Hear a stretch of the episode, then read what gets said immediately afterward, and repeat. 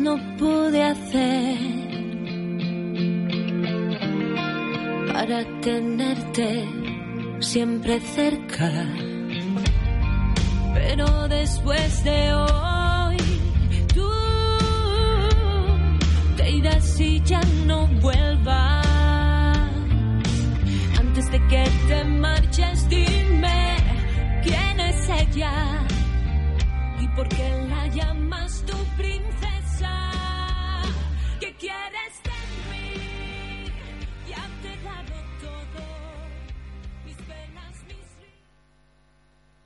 Això és Ràdio Gavà.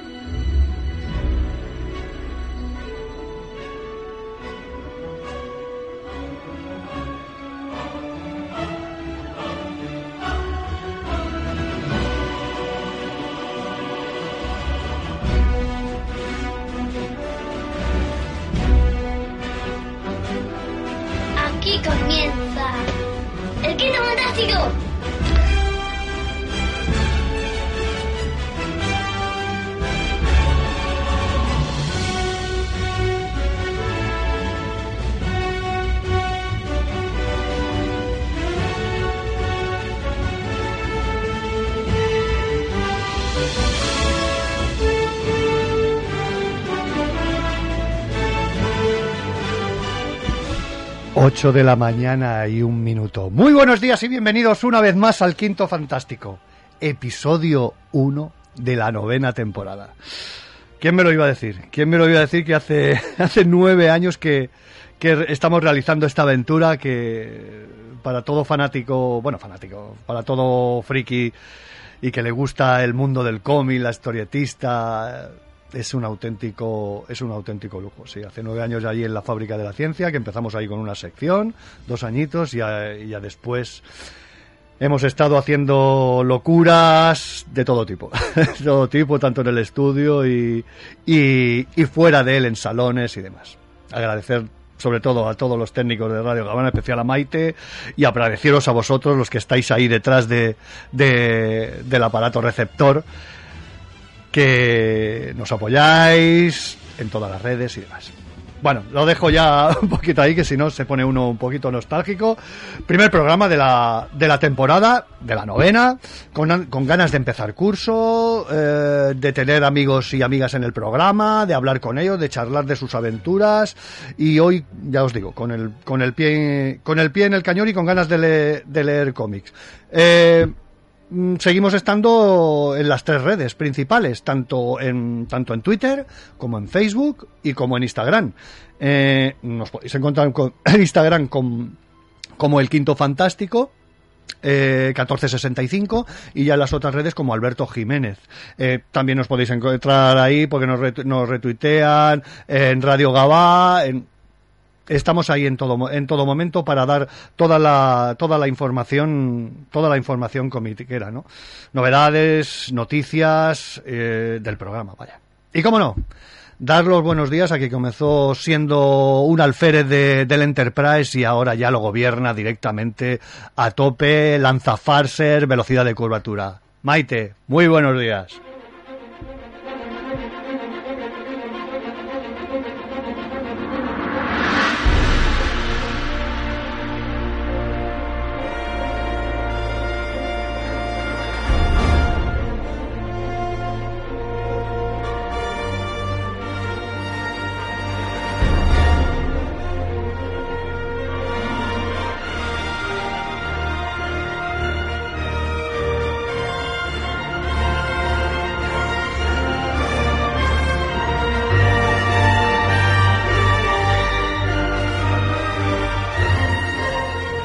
nueva sintonía de entrada en la segunda parte, porque la necesitaba, porque necesitaba a los intocables, porque necesitaba a Elliot Ness. Eh, y creo que la necesitábamos todos para empezar este curso y este bueno, esta temporada con ganas y con, con ilusiones renovadas, vaya. Y comenzamos nuestra andadura con un programa muy, muy, muy especial. Eh, yo había intentado trabajar un programa eh, para rendirle homenaje a dos de los, de los más grandes, para que nos vamos a, a andar con tonterías, como no, eran George Pérez y Neil Adam. Estuve buscando audios, entrevistas, tal. Pero mis amigos, los compañeros de, de Ansia Viva, realizaron un programa realmente, realmente espectacular. Con un invitado de lujo que, había, que se había convertido de fan, porque había leído de pequeño sus cómics, a estar con ellos, a compartir vivencias, a estar trabajando codo a codo. Mm, Me refiero a Carlos Pacheco. Eh, con todo este cóctel hicieron el programa de Ansia Viva eh, en homenaje a George Pérez y Neil Adams, ¿no? Y me quedé me quedé realmente perplejo, ¿no? Porque es un programa lleno de anécdotas, llenos de vivencias. Eh, Ryan Guru contan, contando sus primeras, eh, sus primeros contactos con, con, los autores, Sergio Roca, el hermano birnista, Lorazot, Albertito, eh, comentando todos sus trabajos, sus cómics favoritos, dónde aparecieron. Fue algo mm, que dije, no puede ser, no podemos, no podemos dejar aquí en Radio Gabá, en el Quinto Fantástico, consulté con ellos, los hablé, digo, oye, ¿qué os parece? Bueno, ellos encantados porque es su casa, Radio Gabá, y, y cómo no, bueno, han estado en, los análisis de, en, los analistas de cine han estado en varias ocasiones.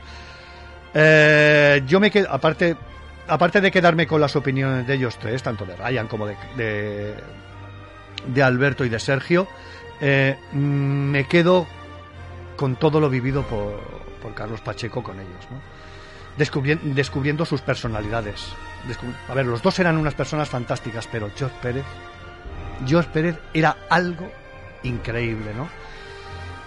Eh, no quiero, no quiero enrollarme mucho más y simplemente dar paso a, a ellos, a los compañeros de Ansa Viva, para que nos relaten este gran homenaje. Estás escuchando El Quinto Fantástico, un programa de cómics y más de Alberto Jiménez. Bienvenidos todos a este especial de Ansia Viva dedicado al recientemente fallecidos Neil Adams y George Pérez, dos artistas que han marcado una época para muchos de nosotros y que de la mano de ellos nos hicieron entrar en un universo sin límites. Esta noche Ansia Viva cuenta con un invitado especial al que queremos mucho y apreciamos, que no es otro que Carlos Pacheco. Carlos, buenas noches. Buenas noches. Buenas noches. Muy contento de que estés tan bien como debes estar en tu casa ahora mismo. Muchas y, gracias. Y, y, felices por ti, de verdad, ¿eh? de todo Muchas corazón. gracias. Te daríamos besos si te viéramos, pero no sé si te dejarías. Sí, me dejo. Yo a esta altura ya me dejo de cualquier cosa. El cariño siempre es bueno. Claro, hombre. También contamos con, con el estimable Lorazot, Lorazot, ese, ese ser que, que vive de, del papel. Hola, buenas noches, Lorazot. Buenas noches, caballeros. Un placer estar aquí con tan grata compañía.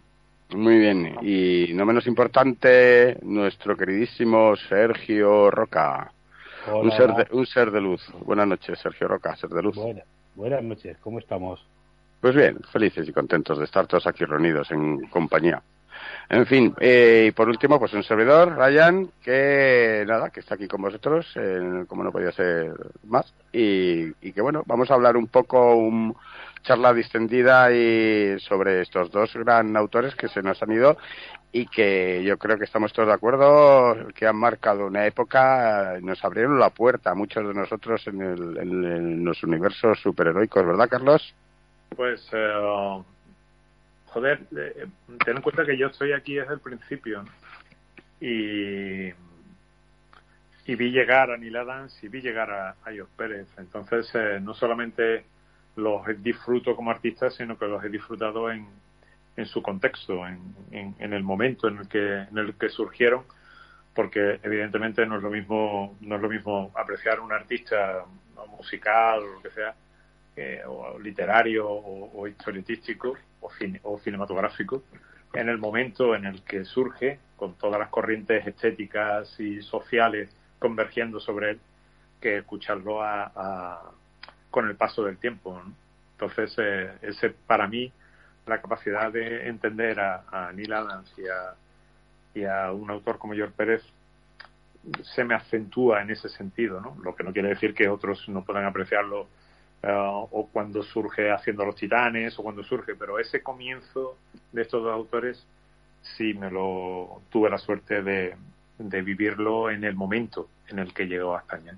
Bueno, y, y además que yo, yo, por eso tenía muchas ganas de, de, hablar contigo de este tema. Además, tú tienes un, un, extra respecto a nosotros, que nosotros podemos ser aficionados, eh, groupies, eh, quiero decir, incluso ya no solo a nivel generacional, tú, tú viste cómo llegan y cómo se van desarrollando, porque yo cuando, cuando yo empecé con esto, eh, para mí ya estaban en el, o sea, ya estaban dentro del mundillo, sino que además tú tienes la faceta de, de haber sido fan, lector y luego eh, eh, o sea, ser una figura del, del mundillo, con lo cual ya el, el conocerlos personalmente, ¿no? Claro. Creo que es un añadido, un, un, plus que me parece maravilloso.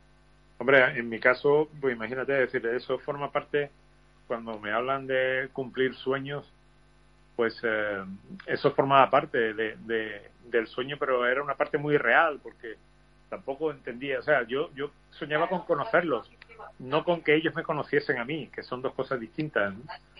Entonces, que, que la manera y las circunstancias en las que en las que tu, tuve la suerte de, de... ¿Estáis en Renfe? Eh, sí, sí. Raya, Raya, mm. mute, muteate que se te oye por ahí de fondo. Claro. Joder, como sois, ¿eh? no me dejéis ahí vivir en paz. Venga, me muteo un poquito. No, pues eso, que, que me refiero a que me perdí un poquito el hilo, no sabía por dónde, por dónde, por dónde. No, no, estaba comentando. Que, que, que, no, no, no soñaba con que ellos me conociesen a mí, yo soñaba con que un día alguien me los presentase y estar al lado, pero, pero las circunstancias y, las, y la manera en que he tenido de conocerlos sobrepasaban absolutamente, absolutamente cualquier capacidad de imaginarlo. Claro, que eso bueno, es que y, conocerlos y, en persona, las expectativas, es que eso es un sueño, hubiera sido un sueño para muchos de nosotros y es de verdad que es envidiable, porque yo creo que, que eh, de Nidanes no conozco tanto, pero de Jos Pérez eh, sé seguro, por lo que te he oído a ti y por lo que se ha comentado él, que era una excepcional persona que era un tío, vamos, un, un, ser de luz, es que era entrañable, amable, con sonrisas, y luego lo, lo, veías ahí en las fotos, en las convenciones, y yo creo que es de esos autores que nunca, nunca ha tenido un, gesto feo a, hacia cualquiera, ¿no? En mi caso, pues mira, te, por contarte cómo, cómo conocí yo a George, uh, lo conocí en Orlando en una convención. Yo estaba haciendo mmm, eh, el anual de Vengadores. Yo ya había dejado X-Men, pero todavía se estaban publicando. Eh, yo estaba ya dibujando Vengador, el, el, anual de Vengadores con el Escuadrón Supremo antes de hacer Avengers Forever. Entonces, cuando llegué, me invitaron a Orlando y, claro, siendo el, el dibujante de X-Men, en aquel entonces que, que, que, todavía marcaba una, una diferencia el hacer X-Men, pues uh, me pusieron una especie de trono, una especie de silla aparte de, del Artisei, donde yo además tenía mi propia cola, y bueno, estaba allí trabajando, bueno, me senté allí, allí me pusieron, me senté. Y de buenas, a, digo, bueno, el Artisei está aquí al lado, en fin, va, tal. Y, y de buenas a primera estoy dibujando y escucho, Carlos, y me levanto, me levanto la cabeza y me veo a George Pérez que se viene, por, se viene para mí. Mi amigo, así, intentando además eh, hablar en español, que no, no lo hablaba, lo chapurreaba palabrillas y tal. Y claro, tú ves que George Pérez se viene para ti con los brazos abiertos para darte un abrazo. Qué ganas tenía de conocerte, tal y cual, hace tiempo, tal. Y yo, claro, me quedo helado, ¿no? Y, y digo, ¿dónde estás, George? Y dice, no, estoy allí al lado de, José Marzán, en el Artisade. Yo digo, a ver, a ver, espérate. George Pérez está allí en el Artisade y yo estoy aquí en un trono. ¿Esto qué mierda es el mundo? O sea, esto, esto es el mundo al revés.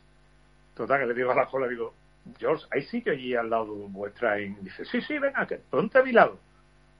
Y le digo a la cola, digo, señores, nos vamos para allá, porque yo aquí no puedo estar si yo espere estar con todo el mundo. Yo estoy mm, por debajo de este hombre toda la vida, lo sé, así que venga, veniros para allá. Y ya me senté y, y George, qué bien, qué bien. El grupo latino, o sea, los amigos latinos, no me acuerdo cómo era y tal. Y pues estaba José Marzán, que había sido mi intentador en Flash, y él y yo, ¿no? Entonces yo sencillamente estaba flipando, ¿no? Flipando de que hombre, aquel hombre que para mí lo era Mm, absolutamente todo, que yo lo vi llegar en, en las ediciones españolas de Relatos Salvajes y de, y de eh, Werewolf by Night, eh, El Hombre Lobo.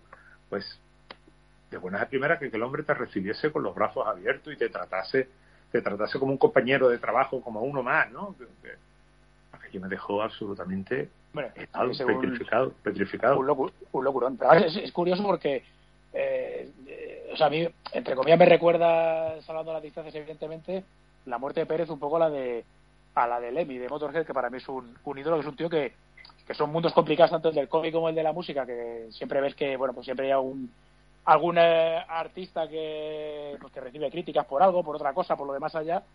Y sin embargo, eh, estas dos personas en sus, en sus respectivas facetas, cuando fallecieron, eh, fueron aclamados y alabados por absolutamente todos sus compañeros. Pues sí. Eso cuando, cuando se enteró o cuando fue, se hizo pública la enfermedad de, de George Pérez, de las muestras de apoyo fueron, fueron unánimes. Es decir, no hubo ninguna voz discordante, eh, no he oído nunca una crítica hacia él a, a nivel personal, ni de comportamiento, ni de, ni de actitud en una, en una Comic Con o nada. O sea que aparte de un, de un artista como la Copa de un Pino y, y- y leyenda, es que es eso, parece que, que sí, que no había nada, nada escondido falso, ¿no? Que el tío era un, un encanto.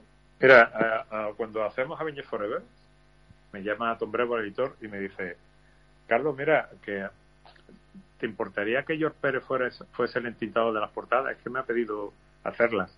Digo, ¿qué? Es que si me va a importar que a mí me entinte George Pérez, pues, estamos locos. Me- estamos locos. Después me hizo el pobre, hizo dos porque se puso enfermo de, con el problema que tenía en los ojos Sí. y se puso con la trombosis. Aquella ahora tenía muchísimos problemas de salud en las últimas décadas. Y tu- hizo la, la primera portada y después la, incluso la portada, la variante de Kang también me la entintó él. Y aparte que ya me había entintado ah, un par de piezas para aquellos crossovers de Marvel con, con el Ultraverso, Sí, con aquellos personajes de Malibu, también me de hizo, Malibu, sí. me hizo una portada con, con, con el Caballero Luna y, y, ah, y los personajes que no, no recuerdo ahora, hace ya tanto tiempo aquello. Pero él ya me había entintado antes, ¿no? Y ya para mí eso era la hostia, ¿no? Pero, pero que además yo me enterase, me llamase el editor, me lo pidiese y que fuese además Los Vengadores, que, que para la, generación vértice eh, es eh, su, su grupo fetiche en Marvel, pues imagínate lo, todo lo que eso ha significado para mí. Es sobrepasar los límites de lo soñado. ¿no? Sí, sí, hombre, debe ser un, un impacto increíble. O sea, llegar allí como autor y como lector y que, y que para ti una leyenda viva, vamos, esté, esté encantado de compartir eh, su tiempo, su espacio contigo, ¿no? Claro, Incluso claro, de, claro. es- de- eso de lo- algo tuyo. lo dejaba clarísimo con la actitud que tenía. Pues yo no era un recién llegado, pero en fin, era un españolito que, que uno más, ¿no? que trabajaba en la industria y sin embargo George siempre se mostró con una amabilidad su- maravillosa y, y- y- increíble. O sea, es un tipo del que yo no he oído nunca a nadie eh, hablar el menor comentario que tú sabes que siempre en esta industria pues siempre sí, hay eso- chismorreo, siempre hay cualquier cosilla sobre alguien Sí, sí. y, eh, y no es el caso, no es el caso. No, no, por Para eso nada. decía que es, es, es un tipo que, que lo que dices tú, que en este mundillo siempre hay alguien, alguien que dice, no, es que a mí me pasó una pequeña anécdota desagradable y con este hombre es que no, no hay ninguna. O sea, Pero es que incluso, es que incluso parece que parece que con los fans, porque yo cada vez que he visto fotos de él en convenciones, siempre está rodeado de fans haciéndose fotos con ellos, incluso entrando a juegos con ellos. Como la foto esta famosa que tiene cogiendo una chica vestida de, de de Supergirl, Super- de Supergirl, sí. imitando la portada de Crisis. O sea que se- era muy dado también a acercarse a la gente y a estar acercando a todo el mundo, no solo a sus compañeros, sino también a la gente que al final De hecho, cuando él pedía fotos a los fans, él pedía fotos, se las hacía también, después se las enviaba, para que cuando tenía que dibujar a gente en los cómics, la gente fueran los fans. Creo que esto no, no, no sé si se ha comentado en algún lado. No decir. No, no, se ha comentado, pero en los últimos tiempos, ¿no? En ese trato con los fans. Pero es, es algo que él hacía, pedir fotografías y, y cada vez que había alguien en, en los cómics, en sus cómics, siempre era, eran gente real, eran fans reales. O sea, él tenía ese detalle con los aficionados. Y, y a, nivel de, de tú de aficionado de lo que sería lector, ¿cuándo eres tú, o sea, cuál sería el primer cómic de Pérez que lees tú y cuándo eres consciente o, de- o buscas de una manera consciente a, a George Pérez como, Pues- como autor. Pues mira, yo, yo la primera vez que descubro George Pérez fue con lo primero que se publicó de él aquí en España, que fue un- una historia de Gulliver Jones en Monster Unleashed, en Monster Unleashed, que decíamos en aquella época, y en la- aquellos magazines de terror en blanco y negro. Y fue una historia ah, malísima, o sea, el dibujo era terrible. No, no, en serio, o sea, porque era un, era un chico muy joven, o sea, no sé si llegaba a los 15 años. Y, y era una historia terrible, terrible, o sea, el dibujo... eh, y después eh, lo veo llegar, ya no sé yo si fue en El Hombre Lobo antes o en Los Hijos del Tigre. Creo que fue antes en, en El Hombre Lobo, que se publicó en España probablemente antes. No, no tengo que comprobarlo, tengo que comprobarlo. No, no, sí, se publicó antes en España, se publicó antes El Hombre Lobo que Los Hijos del Tigre. Con las tintas de Klaus Jansson y también se veía todavía un, George Pérez muy, muy, muy primerizo. Pero joder, aquel tipo tenía algo, o sea, en la narrativa, en su, en su manera de contarla, tenía una fuerza y una capacidad expresiva que aquellas carencias iniciales de, de base de dibujo, porque no podía tenerla, porque era un chico increíblemente joven, pues eh, se le veían todo, todo ese talento narrativo que, que, después eh, ah, desarrollaba junto con el aprendizaje en estilístico. Y, y yo ya lo buscaba, o claro. De hecho, me jodió que, que ah, la saga del hombre lobo ah, no era de Werewolf, sino de la saga de Man Wolf, pero aquí se publicó dentro de la colección de Werewolf, se cortó la, la, la colección fija de, de- dibujada por Don Perlin y se emitió la suya y claro, de buenas a primeras cortan la historia, se queda colgada, no la continuaron y, y vuelven a Don Perlin, ¿no? Con lo cual yo pillé un cabreo porque yo estaba ya fascinado con el dibujo de, de George Pérez. Esos son los números aquellos donde era el hijo de JJ, Eh, ¿no? eh, Eso lo ha terminado publicando en Marvel Limited, eh, Sí, lo han sacado y, Sí, y la verdad que el- oh, sí, por el es un- espacio y demás. para mí es un Randolph Carter, el tío viajando por ahí y tal, pero de hombre lobo, es una pasada. Sí, sí. Yo le recuerdo especialmente con mucho cariño porque es la primera vez que me aproximaba yo a los Cuatro Fantásticos. Bueno, pues recuerdo muchos autores más, pero eh, me fascinaba el, lo- su trabajo en los Cuatro Fantásticos. Me, me parecía, pero brutal, porque, joder, eh, estábamos acostumbrados a, a, a un, a un dibujo un poco de los Cuatro Fantásticos un poco más primitivo y pasamos por Bustema y luego llegamos a Pérez y aquello era la explosión y era una imaginación de cosas y de reflejar esos, esos objetos imposibles y esos enemigos que habíamos visto antes en nuestros en otros tebeos y que ahora eran cambiados pero a la vez eran igual. Eran fabulosos esos tebeos. De hecho, hay, hay una cosa que, porque entre John Buscema y, y George Pérez está Rich Buckler. Y Rich Buckler eh, um, era el autor, el dibujante, mejor dicho, que, que ah, contrata a George Pérez como asistente. Él trabajó mu- durante mucho tiempo como asistente de, de, de Pérez. Y de hecho, el primer trabajo de Pérez publicado es la un par de páginas en Deathlock, el TVO de Rick Buckler, Sí. en el que se ve cómo, cómo surge Deathlock, ¿no? Se ven a Rick Buckler y a el guionista, creo que era Doug Moench, si no me equivoco, y, y se ven eh, eh, en, en una habitación eh, dándole vueltas a la idea, tirando los papeles a la papelera, y, y bueno, nada, es lo que hemos pensado, todo esto es una mierda, aquí no sale nada, y de la papelera sale Deathlock, se ve, eso estaba dibujado por George Pérez y fue lo primero publicado suyo. Pero no estaría acreditado, ¿no? No recuerdo yo haberlo. Porque yo Sí, eso está tomo- publicado en el tomo de Deathlock. de- sí, sí, pero, pero digo acreditado. Si está Sí, acreditado. sí, sí, sí, lo está, creo que sí lo está, creo que sí lo está. Ah, pues lo revisaré, pues no Creo que sí, creo que sí lo está. Y, y él, pues ya te digo, era el asistente de, de, de Buckler. Y se nota muchísimo, se nota muchísimo el trabajo de la, la presencia de Pérez como asistente, porque cuando trabaja ah, cuando trabaja Buckler solo, se ve la diferencia narrativa. Ah, el trabajo de dibujo sigue siendo un, clon de Jack Kirby en todos los sentidos, porque pero cuando estaba George Pérez asistente se veía que había un- una base narrativa debajo distinta. Y entonces ya es cuando durante una época se van alternando un número de Pérez y un número de Bachler y ya se queda Pérez. O sea, la cosa estaba clara, ¿no? con perdón, lo de la cosa.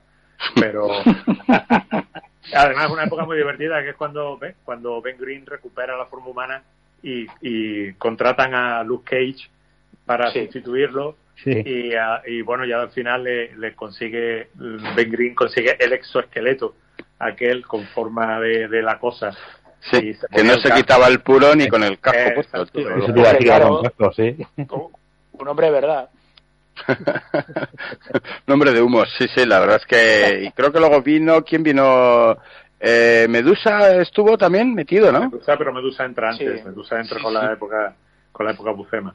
Sí, la verdad es que esos episodios, fíjate dónde en los Cuatro Fantásticos y lo que lo que han sido. Hombre, ¿eh? además, Pues, yo sin, sin saber que era Pérez, yo por ejemplo recuerdo de, de la época bruguera cuando publicaban todo eso, que era con lo de, que era Mm. Zorba, ¿no? El pavo este que era el que el que sustituye a, a Eso era, peña eso era como- Keith Pollard, no, eso era Keith Pollard. Ah, que Pollard, que Pollard intentaba por Sinot, sí, verdad. Eh, Sí, eso Keith.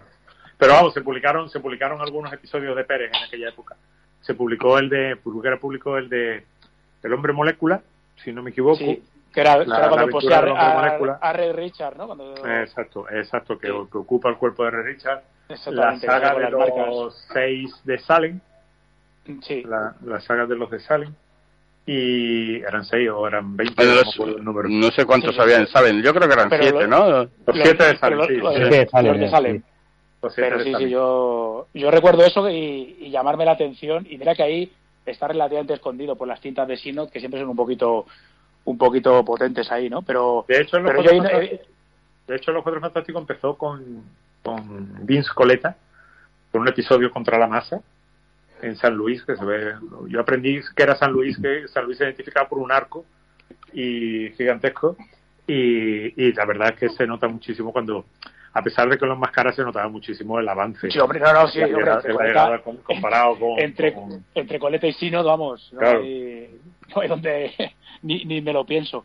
Pero yo todavía no era consciente de, o sea, evidentemente te llama la atención, pero yo no era consciente de, de Pérez eh, como tal, porque luego también lo recuerdo con toda la saga de, de Korvac y demás, igual ahí lo, lo Bueno, flipas. es que cuando Pérez llega a los Vengadores, para Claro, mí es el, hombre, la máxima. Bueno, va- salvando a algunos autores que tienen etapas muy buenas, como pueden ser la Guerra Chris Skrull y demás.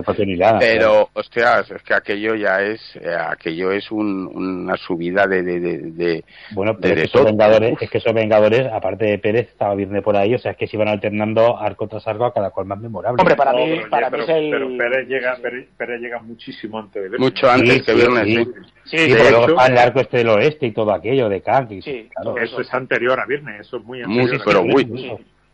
De Para mí es que ese es el, de hecho, el- re- el pico recordad, de- si, re- si recordáis, aquí eh, Panini saca una colección en la que Salva la Roca, Pascual Ferry y yo, Sí. cada uno de nosotros recomendamos nuestro arco marveliano favorito y yo precisamente mi recomendación La- es esa, la saga de la corona de la serpiente, la serpiente, sí. que de George Pérez y Steve, de Steve Engelhardt y George Pérez, por, por todo lo que significó para mí, porque es la llegada de George Pérez a los, a los Vengadores, sustituye a, a George Tuska, y, y a pesar de que lo tintaba en unos episodios Vince Coleta, vuelvo a repetir, es decir, es que eh, la narrativa de Pérez era apabullante, porque una de las cosas Hombre, que... eh, dime, dime. No, que te iba a decir que, mi- mira que, que cuando eh, tu- tuvimos nuestro beef con, con el- el- los hijos del tigre, eh, es que ahí se nota, quiero decir, los hijos del tigre, hay un momento dado que estalla al final y es la llegada de Pérez, o sea, la- los autores, eh, o sea, tienes a Triple por ahí y, compañía, no es que fueran malos evidentemente, pero es que, el- como dices tú, llega Pérez y la narrativa, esos combates, ese, ul- ese Claro, último número, claro, ese último claro. número de, de- de las hostias que te duelen, o sea, tú ves que Hombre, se están no, el- los el tres último- y te duelen. Claro, el último número de la de la de los hijos del tigre con las cintas de Jack Abel que le sentaba Sí, sí. muy bien, Sí. le sentaba muy muy bien. Eh, ese, no- ese es épico. Es que es brutal, Ese- es brutal, es brutal. Ese número, Y nunca mejor dicho, esa pelea entre entre entre, Sí, eh, entre Brown y- Bob Diamond, sí. Bob Diamond y Lin Sun, eh, por, por, por, por Lotus, que siempre aquello siempre he visto un cierto paralelismo con los Beatles. aquello, aquello era bestial, pero además el compromiso social que tenían aquellos tebeos. Recuerda la saga la saga del motín de la prisión de, Sí, de Ática. Ática, Sí. se- se hace un trasunto en, en Los Hijos del Tigre cuando entra la Guardia Nacional y empieza a masacrar a todos los presos amotinados. En fin, aquello, Sí, además- aquello, era, aquello era apabullante. Un, comienzo un poco fantasioso al principio, pero eh, rápidamente lo dejan y se meten. Y ya después, cuando llega el Tigre Blanco, Claro, en la primera aventura con, con, con aquel guarda de seguridad que de los trenes que mata a un niño de un golpe en la cabeza porque iba a hacer un graffiti, ¿no? O sea que Mm. con una banda, ¿no? O sea que ese, ese compromiso social de aquellos tebeos marcan una época y, y George Pérez es uno de los artífices de ese cambio drástico entre, entre lo que era Marvel en un principio y lo que Marvel se convierte cuando Marvel adquiere en la dimensión de rock and roll, ¿no? De, de rock en absoluto. Y, y aparte yo creo que Pérez tiene una cosa que, que yo creo, bueno, tú como autor supongo que, que podrás confirmarlo, ¿no? Yo creo que es muy difícil de conseguir, que es que es capaz de di- dibujarte algo muy pegado a la tierra, como puedan ser estos números de, del tigre blanco, de los propios hijos del tigre y demás, de algo eh, muy urbano, muy, eh, muy eh, terrenal, y luego hacerte un rollo como esa Wonder Woman en el Tártaro o Crisis en Tierras Infinitas, mundos que, que se destruyen, o sea, era, y ambas cosas que te la dibuja son perfectamente creíbles cuando él lo hace. O sea, no, Mira, de- ni- de- de- no te resulta, no te resulta chocante, es increíble. De hecho, de hecho, fíjate, eh, siempre que se hablaba de los titanes, eh, se ha hablado de, de, de esa colección como los X-Men de Marvel. Yo recuerdo estar hablar con Mark Wolfman diciéndole que, que yo nunca los había visto. Evidentemente fueron las respuestas, las respuestas de DC a los X-Men. Pero eso no significaba que fuesen un equivalente a los X-Men, más allá del hecho de que fuese la única colección que sobrepasase, que llegase a sobrepasar en ventas a los X-Men en los 80, a principios de los 80, ¿no? A mediados de los 80. Entonces, eh, yo le comentaba a, a Mark que yo siempre había visto a los titanes más que un eh, más que un reflejo de los X-Men, un reflejo de los cuatro fantásticos. En el sentido de que los personajes se comportaban como una familia, eh, en la base reconocible en Nueva York, los titanes y los enemigos, que eh, Trigon era, Trigon era una especie de Galactus en cierta manera, que Deathstroke era una especie de Doctor Muerte, que era villano pero que no lo era, en fin, que siempre había, ah, ah, y, y incluso el, el hermano Sangre también tenía ese componente de, de malvado, que ah, de cuatro fantásticos, eh, cercano a los al, al propio Doctor Muerte también. ¿no? Y luego el tono, y, ese y el tono de la serie. ¿Perdón? Y el tono de la serie, que era totalmente Claro, claro, diferente a los claro, el tono de la serie, eso digo, familiar. Pero Sí. ahí es donde iba, ahí es donde iba. Los, los, los titanes, en los titanes, una de las características que para mí hizo que fuese un éxito fue el, el hecho de que cada personaje de los titanes definía un tipo de aventura distinto y el, el mes o los meses que, toca- que tocaba darle una cierta relevancia a Nightwing, la colección se convertía en una colección de espionaje, de acción, de eh, pe- una, una, una, una, eh, serie pegada a la tierra, ¿no? de, de- Sí. serie pues, de, de un héroe de acción. Cuando la, la, la- el personaje en el que le tocaba adentrarse era eh, Wonder Girl, pues de repente nos metíamos en un territorio mítico, en un territorio mitológico y mm, se desarrollaba pues eh, en, en- en un ambiente completamente diferente de ese ambiente urbano que, que aportaba Nightwing. Cuando el personaje era Raven, eh, nos metíamos en un territorio eh, de Místico, terror, místico, co- Lovecraftiano en cierta manera, y cada, cada personaje daba un tono. El, el cyborg que se metía en el territorio tecnológico, Sí, o Starfire era un- una space opera en toda red. Sí, ¿no? claro, Además, claro. sí, Entonces, totalmente. y, Starfire, que era, efectivamente, metía que, que te metía ya en la space opera, ¿no? Entonces, George Pérez era probablemente, yo eso sí que no lo he visto en ningún lado, nadie, nadie ha definido que el éxito de los titanes consistía en la capacidad para cambiar de escenario constantemente. Los primeros números tú tenías la, la recuperación de la Patrol a través de, de Beast Boy, eh, de, de Changeling, perdón. Eh, tenías a la saga de, de los titanes contra los titanes mitológicos. Tenías, joder, te ibas moviendo la saga de Trigon, te ibas moviendo. Sí, incluso la primera llegada, la primera saga de Trigon, que es en el primer Claro. año de la serie, es ya un arco donde prácticamente, vamos, un grupo de novatos se enfrenta a la destrucción del universo entero Claro, claro. sin tener ningún tipo de experiencia. Bueno, y, y luego además... Y hablamos de los primeros números de la serie, ¿eh? no, no hablamos de la serie avanzada ya. al hilo un poco de lo que decías de los 4F, por ejemplo, cuando, cuando tienen todo el rescate de, de Starfire contra la Ciudadela y demás, eso es, eh, es prácticamente una de las aventuras cósmicas rollos eh, 4F que tienen. Sí, sí, de, estos, sí, de claro, estos viajes claro. que tenían por el espacio y, y viajando a cualquier sitio. Y es lo que dices sí. tú, que, que funciona. O sea, funciona como un tiro, de hecho. Y luego y- de y Judas. es parte y es parte del talento de Pérez hacer que todo eso encaje estilísticamente eh, en, en ambientación, en decorados. Aunque él algunas veces metía cosas que, que siempre me ha hecho mucha gracia, ¿no? Por ejemplo, en, en la saga de, de Blackfire, pues tenía esos extraterrestres con el gorrito Fez en la Sí. cabeza. y tú dices, bueno, vale. O sea, me lo imagino haciéndote verde y, y te binana Sí. y chuparquía, ¿no? Eso. Pero, pero bueno, él tenía esos puntos que eran, que eran graciosetes. O, o meter que en una saga de él, cuando se van a buscar al, al mar Báltico a, al hermano Sangler, resulta que cuando llegan es una isla con cubanos vestidos de, de, Sí, sí. de para- y palmeras, sí. ¿no? Entonces dice, bueno, vale, o sea, vamos a dejarlo ahí, no vamos a ser tampoco demasiado exigente, pero pero a ver, to- toda esa etapa es maravillosa, toda, todo, todo- y el cambio estilístico que da Pérez en los titanes, adentrándose en la naturalidad de los personajes, en el lado humano, eso me parece fascinante, fascinante. Pero él, desde él- luego. él- es, él- es algo que él ya había apuntado, porque una de mis páginas favoritas de Los Vengadores eh, es de las últimas, la, la aparición de. El, primer, el primero de la aparición de, del Taskmaster, que es cuando están eh, Marvel Girl y. No digo Marvel eh, Miss Marvel, perdón. Ah, Miss Marvel, Marvel, Miss Miss Marvel y Marvel, Capitán sí. América charlando en- por los jardines, que ha nevado, y hay unos niños espiándolo y le tiran una bola de nieve. Ah, y el capitán tira el escudo sin mirar, empieza a rebotar, ¡pac! y para la bola de nieve y los niños salen corriendo, ¿no? Sí, se Asustados. acojonan. Esa, esa página me parece maravillosa y apunta a ese cambio de dirección del tono de los tebeos de Pérez eh, ya en Los Titanes porque es uno, es uno de los últimos trabajos y supongo que él quería adentrarse en, eso, en esos territorios.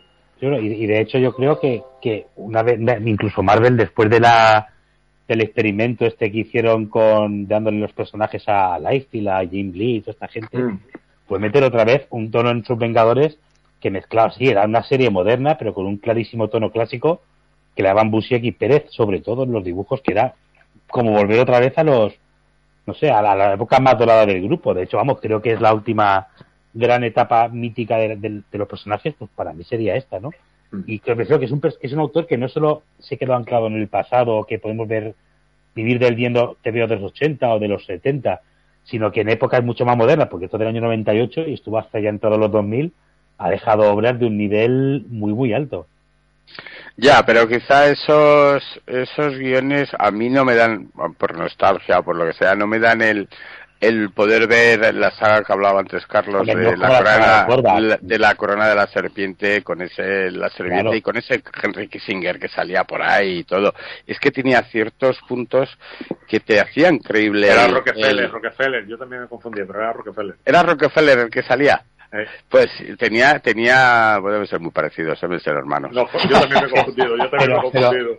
Yo Pero también que me he Marvel confundido aquí intentaba recuperar, lo que creo es que Marvel aquí intentaba, eh, intentando alejarse un poco del, la noven- de todo el noventismo, buscó acercarse a esa época más mágica del grupo, que hacía mucho tiempo que se había perdido, eh, por otra parte, porque vamos, Los Vengadores es una colección que en los años, años 90, yo creo que salvando esta etapa de Pérez podemos recordar muy poco de ella. No, ya eh, se hizo muy poco en Vengadores, algunas.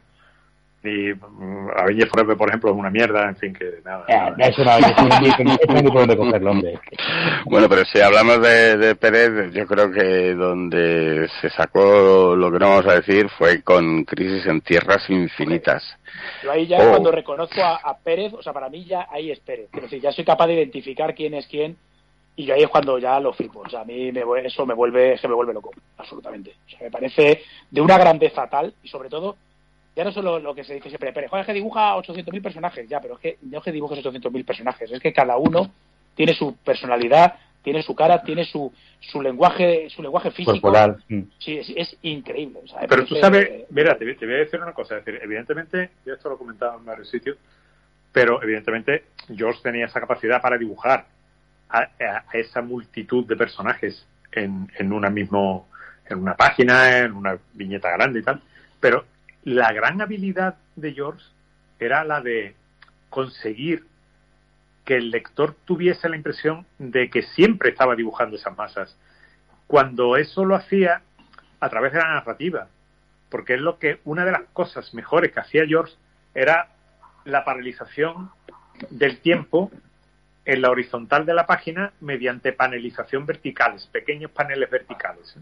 O sea, tú tienes la franja, la, franja horizontal de la página, Sí. tú puedes dividir esa, esa di- di- dividámoslo, por ejemplo, en tres viñetas, ¿no? Tú tienes una página horizontal dividida en tres viñetas y tienes un TVO de los Ultimates, de la saga Ultimate de, de Brian Hitch. Pero llega George, George Pérez hacía todo lo contrario de eso. O sea, George Pérez tenía esa división de, en tres franjas horizontales, pero después, en lugar de dibujar a todos los personajes en esa viñeta, o en esas tres viñetas, dividía verticalmente esas, viñe- esas viñetas horizontales, las dividía en varias.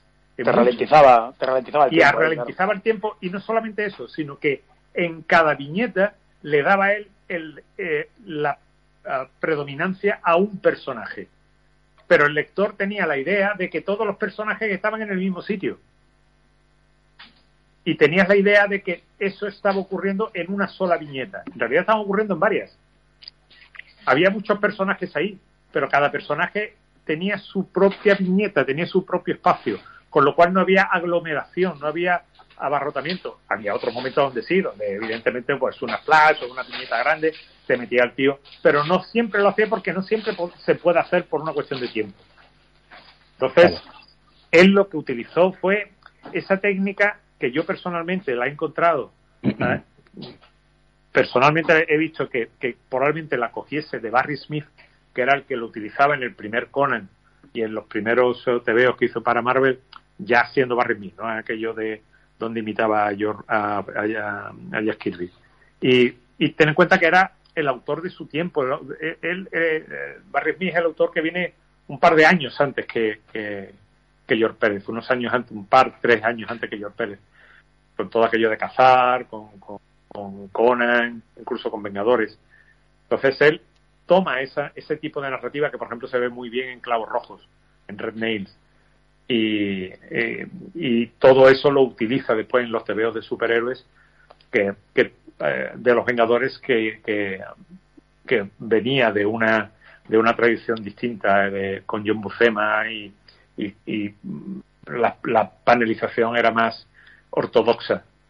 Eh, George Pérez aplica una panelización, un, layout de página mucho más heterodoxo, mucho más contemporáneo en su momento y, le da ese toque moderno a los Vengadores que lo cambian radicalmente.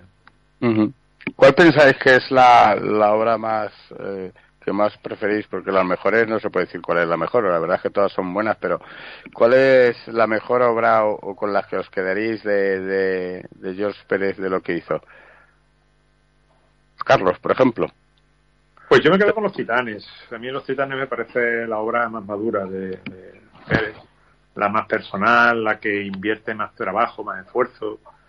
Y, joder, o sea, conseguir levantar una colección que, que apenas existía, que apenas había existido, había tenido unas etapas, ah, incluso el propio Neil Adams había dibujado los Titanes, ¿no? Un par de números, sí.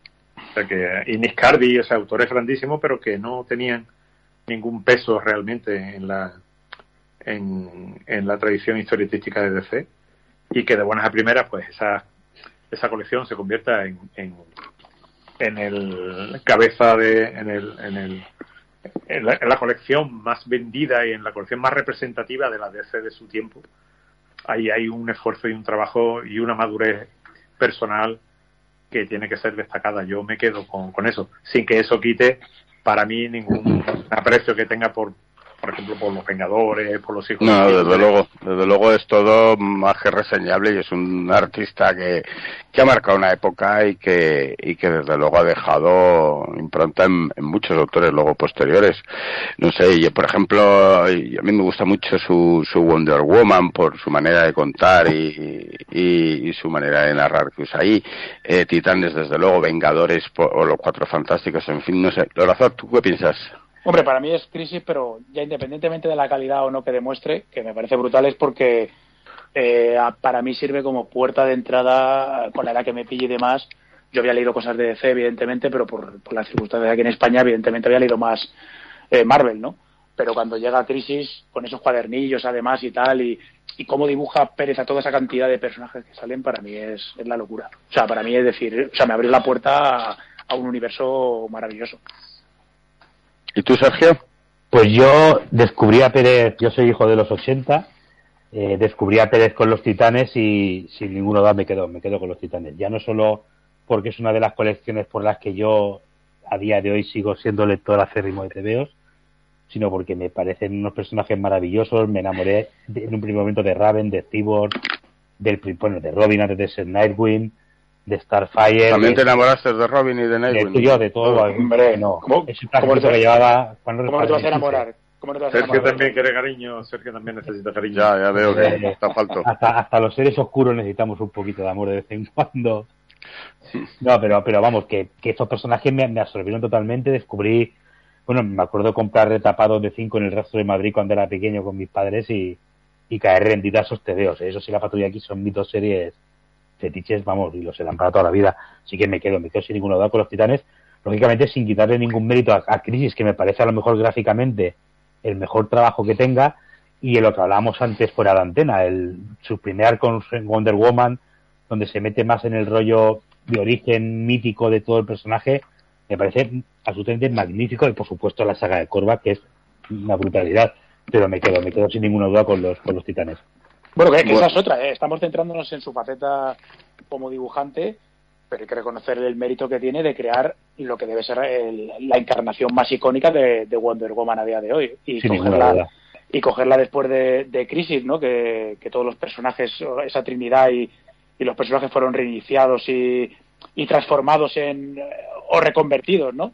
Y se crea la encarnación que a día de hoy es un poco la, la canónica, ¿no? Por mucho que se haya cambiado y demás. A mí me parece una gesta increíble, porque vamos, yo no sé si Carlos que es una, una biblioteca viviente, tiene conocimiento de que él hubiera guionizado algo antes, pero yo creo que es el, el primer guion en el que se mete, ¿no? No, yo no, no tengo constancia de que hubiese hecho guiones anteriores. Eh, bueno, él era coargumentista de los Titanes, ¿vale? O sea, él Mm. sí, sí hizo coargumentos en los Titanes. Mm. Pero coger una colección y ser guionista, aunque tuvo también la ayuda, no me acuerdo el nombre de, de quien, quien le ayudó al principio en, en, lo- en los guiones, no recuerdo el nombre. Greg Potter, Greg Potter, no lo, lo recuerdo. Mm. Bueno, ¿estás preparado para una pregunta que van, va, va a ver el, el, el nivel de, de conocimientos frikis? Te la voy a hacer, Carlos, prepárate. Eh, cuando los cuatro terribles estaban bus- haciendo un casting de, de personajes... eh, Capitán Ultra, el Capitán Ultra. Me cago en diez. eh. Ni acabarla. Bueno, y había, y había uno que llevaba alas, que también se presentó al casting Correcto. y que no tenía ningún poder y esperaba que se los dieran Ah. ahí. Y- ¿Te, y- te acuerdas y- del personaje? El nombre no me acuerdo, pero sí me acuerdo que estaba el hombre imposible por ahí, que es el que al final llega y la lía parda. La Y sale. George Pérez, sale Jack Kirby, Sí. sale Stan Lee, sale George Pérez y Roy Thomas. Y John Verporten, que era el, uno de los pocos católicos que había en Marvel y que era el responsable de, de esa trilogía de Marvel. La verdad que lo comentaste en Twitter el otro día, la de Juan Pablo II. la y de compañía, Juan sí. Pablo II, la madre de Teresa de Calcuta y Francisco, hijo de yo no sé quién.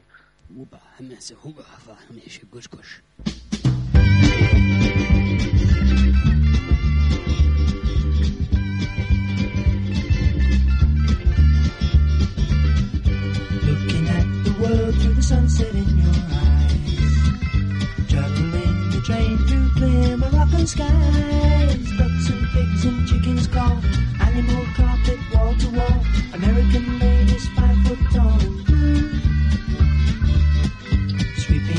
Cobwebs from the edges of my mind. Had to get away to see what we could find. Hope the days that lie ahead bring us back to where they've led. Listen not to what's been said to you. Would you know we're riding on the Marrakesh Express? Would you know we're riding on the Marrakesh Express? They're taking me to Marrakesh. All on board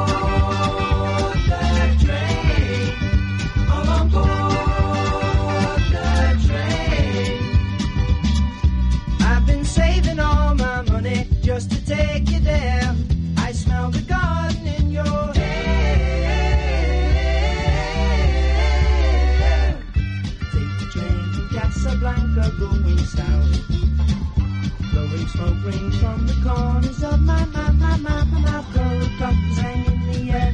Charming cobras in the square. Striped your leathers we can wear at home. Well, let me hear you now. Would you know we're riding on the Marrakesh Express? Would you know we're riding on the Marrakesh Express? They're taking me to Marrakesh. Would you know we're riding on the Marrakesh Express? We're riding on the Marrakesh Express? They're taking me to Marrakesh.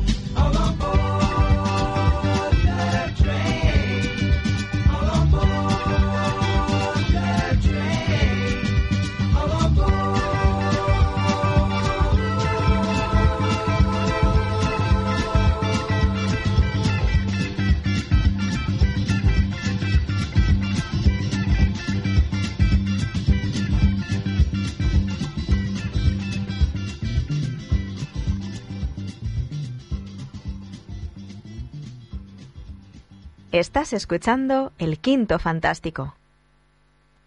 Bueno, pues ya hemos terminado este primer bloque. Sobre todo, como habéis escuchado, es, es un auténtico canto y una auténtica devoción hablar de George Pérez, ¿no? Por, tanto en las, en las dos grandes editoriales, como fueron en DC y como fueron en Marvel, por todos sus trabajos. Fijaros que Pacheco, Ryan y Lor, pues, y Sergio, perdón, eh, han destacado sus trabajos, ¿no? Eh, Pacheco ha destacado Tit- Titanes, que eso es una obra, a ver si de una puñetera vez ya EC consiguen una reedición. Ryan ha destacado Wonder Woman.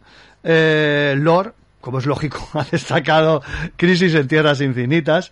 Sergio, como no, no podía ser otro que, que, Titanes. Pero yo me quedo por, de la manera que conocía, que, conocía a George Pérez, ¿no? Y me quedo con dos trabajos que, bueno, sobre todo el primero, que los- lo tenemos aquí delante y lo podéis ver en las fotos que hemos colocado en, en tanto en Facebook, en Twitter y en Instagram.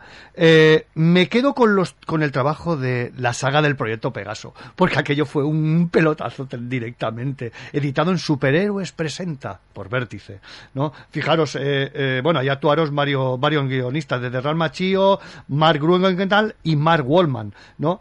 Pero fijaros quién estaba eh, en el dibujo con, con Josh Pérez. Salvus Tema, John Byrne, Chic Stone, es decir, La Florinata. Y bueno, la historia es simplemente algo, algo espectacular. La aparición de Quasar, ¿no? Ese proyecto oculto, eh, el proyecto, como era el proyecto Pegaso, ¿no? Teniendo esa salida de Deadlock. Bueno, espe- espectacular, vaya. Y la otra obra que me quedo yo es eh, y es muy setentera, es muy setentera porque fijaros que en aquella época pues es que estaba estaba la Black, Exploitation, estaban las series como Kung Fu, estaban las películas como Operación Dragón, nuestro Sanshin, nuestro Sanshin será siempre el de Operación Dragón. Y fijaros que entonces pues en yo me quedo, aparte del, como os comentaba, del proyecto Pegaso, pues me quedo co- con los hijos del tigre. Bueno, mm, increíble. Después lo pondré una portada que hace Neil Adams de, en, en, un número, en, un- en varios números, pero hay una que es de Operación Dragón, que es espectacular. Después os, os la pondré.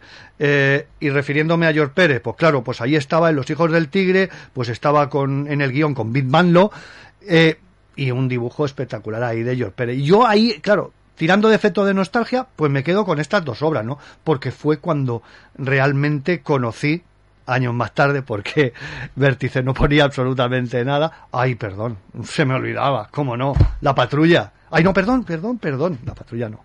Eso va para después, para Neil Adams, perdón, me he equivocado. Eh, Y bueno, me quedo con estas dos, con el proyecto Pegaso y con, y con los hijos del tigre. Y ahora nos vamos con Neil Adams. Bueno, si queréis pasamos con otro, a continuación con el otro de los grandes que se nos fue, que, que no es otro que Neil Adams, que también merece más que palabras y, y alabanzas, porque para mí Neil Adams también dejó impronta en, en, en los cómics que yo leí de, de pequeño y, y me ponía los pelos como escarpias. También llegaste a conocer a, a Neil Adams, creo, ¿no, Carlos? Sí, sí, sí. sí. Sí, de Y- hecho, de hecho, pues eh, también me encuentro con, con Neil Adams, también fue de una manera muy muy especial, ¿no? Porque estaba yo en, estaba en San Diego y, y se me acerca su hijo Josh, y, eh, que yo no sabía quién era, o sea, era un chaval que llega allí y tal, y me pide un dibujo y tal. Y eh, le hago el dibujo, recuerdo que fue un ojo de halcón. Empezamos ahí a charlar, ¿vale? Tu mi personaje favorito, yo no sé qué y tal. Y, eh, y me dice, mira Carlos, que es, mi padre quiere conocerte. Digo, sí. ¿quién es tu padre? dice, Neil Adams. Joder. ¿Qué? Pues, pues vale, "Sí, ¿no? es, que, es que le he dicho que como yo soy muy fan tuyo y tal, y he venido, pues se lo he dicho que iba a venir a verte y dice, ah, pues que venga ya, lo, lo- lo conozco y tal. Digo, espérate, tío, a ver, tú eres el hijo de y eres fan mío, tú estás chalado, tío. Tú estás bien de la cabeza. Total, que, que me fui para allá y para verlo, ya estuvimos ahí charlando, me regaló un montón de, de, de esto de sketchbook que tenía y tal, allí por ahí. Y, y ah, bueno, pues eh, quedamos después para cenar, estuvimos cenando juntos y tal, y incluso en, en, en otro año en- quedamos para cenar cuando se enteró que yo era biólogo y, y para explicarme personalmente la teoría de la Tierra creciente eh, fue en Toronto y fue un momento inolvidable, o sea, fue un momento inolvidable. Dice Mary, Marilyn, su mujer, llega un momento que dice, Neil, tío, Carlos está con la cabeza reventando. Porque él habla de cómics. Porque no, que es interesante. Y yo digo, bueno, eso es un tío encantador. al- al de feliz, ¿no? Habla, habla, un tío encantador. De hecho, aquella noche estuvimos hablando de una cosa muy interesante, a mí me resultó interesantísima, sobre la manera en, la que él entendía a los personajes. Y él me decía que, o me dijo, que él estaba en contra de la representación del Batman de, de ese momento, en la que Batman pudiese llevar una pistola, incluso que pudiese usarla, incluso que pudiese matar. Porque me decía que Batman es, tiene claro los límites de la justicia. Eh, sin embargo, nadie piensa que hay un personaje de DC que no tendría ningún problema en matar si se lo ordenaran, que es Green Lantern. Correcto. Porque un soldado, es, claro. un, es un policía, Un policía. Sí, sí. es un policía. Y si su jefe le dice tienes que matar a aquel, lo va a hacer. Bueno, de hecho, posteriormente pasó. De hecho, ha pasado. Ah, sí, no, pues esto no lo, sé- no lo sabía yo. Y, y claro, aquello, digo, pues, pues sí, pues lo ha clavado, o sea que evidentemente. Eh, pero no sé cómo surgió la conversación, estábamos hablando de, de, de eso. Y, y, bueno, pues eh, todo este tipo de cosas te hacen, te hacen darte cuenta que, que parte del éxito de, de un autor, de un dibujante, no es solamente por la manera en la que dibuja, sino en, en cómo piensa lo que dibuja, ¿no?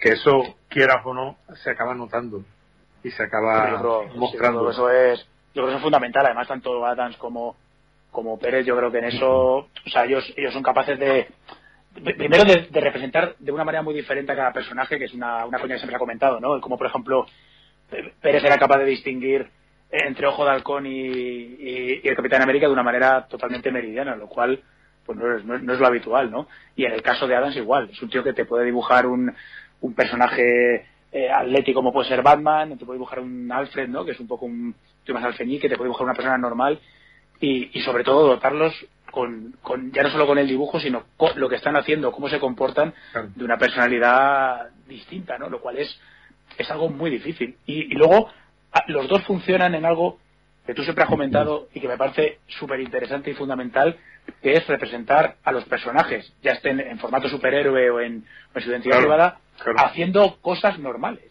O sea, eh, eh, desayunando, comiendo, eh, viajando, porque por ejemplo, o sea, yo creo que ahora mismo si muchos de los autores eh, actuales se pusieran a dibujar eh, las historias que dibujó Adam de Batman, por ejemplo, ese Batman viajero, poco James Bond que tiene con, con O'Neill, toda la saga del Hijo del Demonio. Garras al gol, sí, sí. Eh, claro, eso ahora mismo, eh, yo creo que si se lo dibujaran muchos de los autores, eh, no, no digo españoles, no, eh, de autores actuales, quedaría mm, totalmente diferente, porque le robarías esa naturalidad, o sea, no te lo creerías, no, no te percepción- hoy, hoy en día, hoy en día hay una percepción completamente distinta del, del cómic superheroico.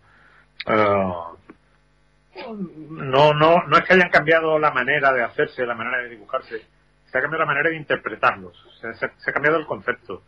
Son otra cosa, o sea, no, no tiene nada que ver los superhéroes de, aquel mundo con, con los superhéroes de este, aunque lleven el mismo nombre.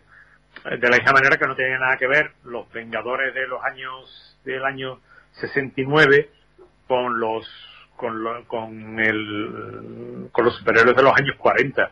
O sea, fíjate si que, que- que ha pasado más tiempo desde, desde los 60 hasta ahora que el que pasó de los 60 a los 40. Y nada más que tienes que ver un TVO de, de- del año 40-41 y compáralo con un TVO con Green Lantern Green Arrow de Neil Adams del año 69.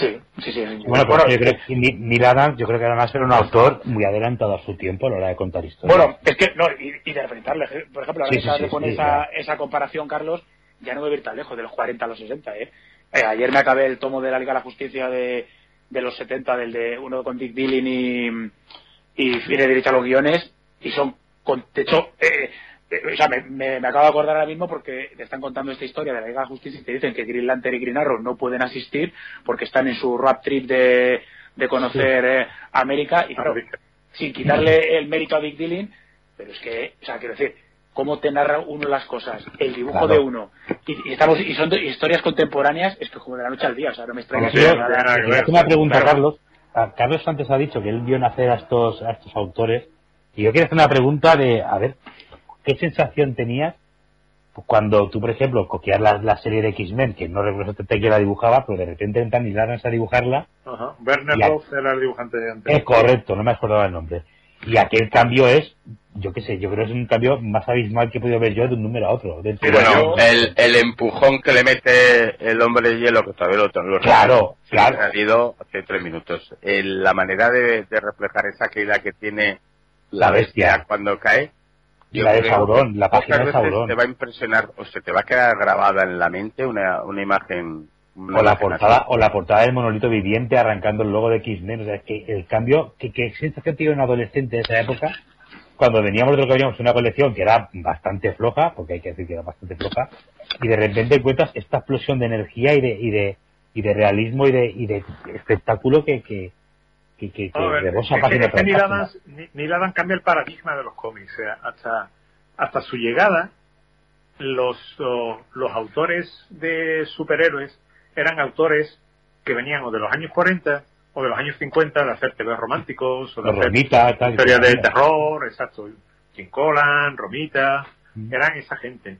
Los primeros autores que podemos entender como autores que surgen del, del superhéroe, creo que son Neil Adams y Esteranco. Ah, es cierto que no son auto- que, que eran gente que tenían una trayectoria corta, pero externa a los superhéroes antes de llegar a ellos. Por ejemplo, Neil Adams y su estilo precisamente viene de, de autores terror, de las strips como son Stan Drake o Leonard Starr. Entonces, eh, lo, lo que hace lo que hace eh, Neil Adams es meter paradigmas en los comic books de superhéroes que no eran del comic book de superhéroes. Y eso cambia. Es una revolución absoluta. Porque hasta ese momento, los autores que trabajaban en superhéroes, lo que hacían básicamente era utilizar la iconografía de Kirby. Mm. Eran autores que ya tenían su carrera, porque te digo yo, pues, ah, George Duska, por ejemplo, que era un tipo que tenía su propia strip. Eh, eh, eh, Werner Roth. Eran profesionales en el sentido literal de la palabra. Eran personas no vinculadas emocionalmente con su trabajo, sino que trabajaban de manera profesional y, y lo que decía antes, entiendo que no meditaban demasiado sobre lo que estaban haciendo.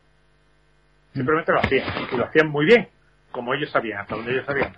Pero no tenían la impresión de que aquello, porque generacionalmente eran era una, era una generación de autores mucho mayores que su público. Cuando llega Neil Adams, Neil Adams tiene la edad del público que lee los cómics. Y empieza a meter claves culturales, referenciales, y además de eso, con un estilo y con una manera de interpretar el TVO moderna, de su tiempo, de los TVOs que se estaban haciendo. Y todo eso lo mete él en su propio, en su propia manera de, de- de trabajar y crea una, una revolución tan grande que rompe con el paradigma de Jack Kirby. Y siempre he pensado que Jack Kirby se va a DC precisamente por eso, porque ya deja de ser en Marvel quien fue con la llegada de Adams.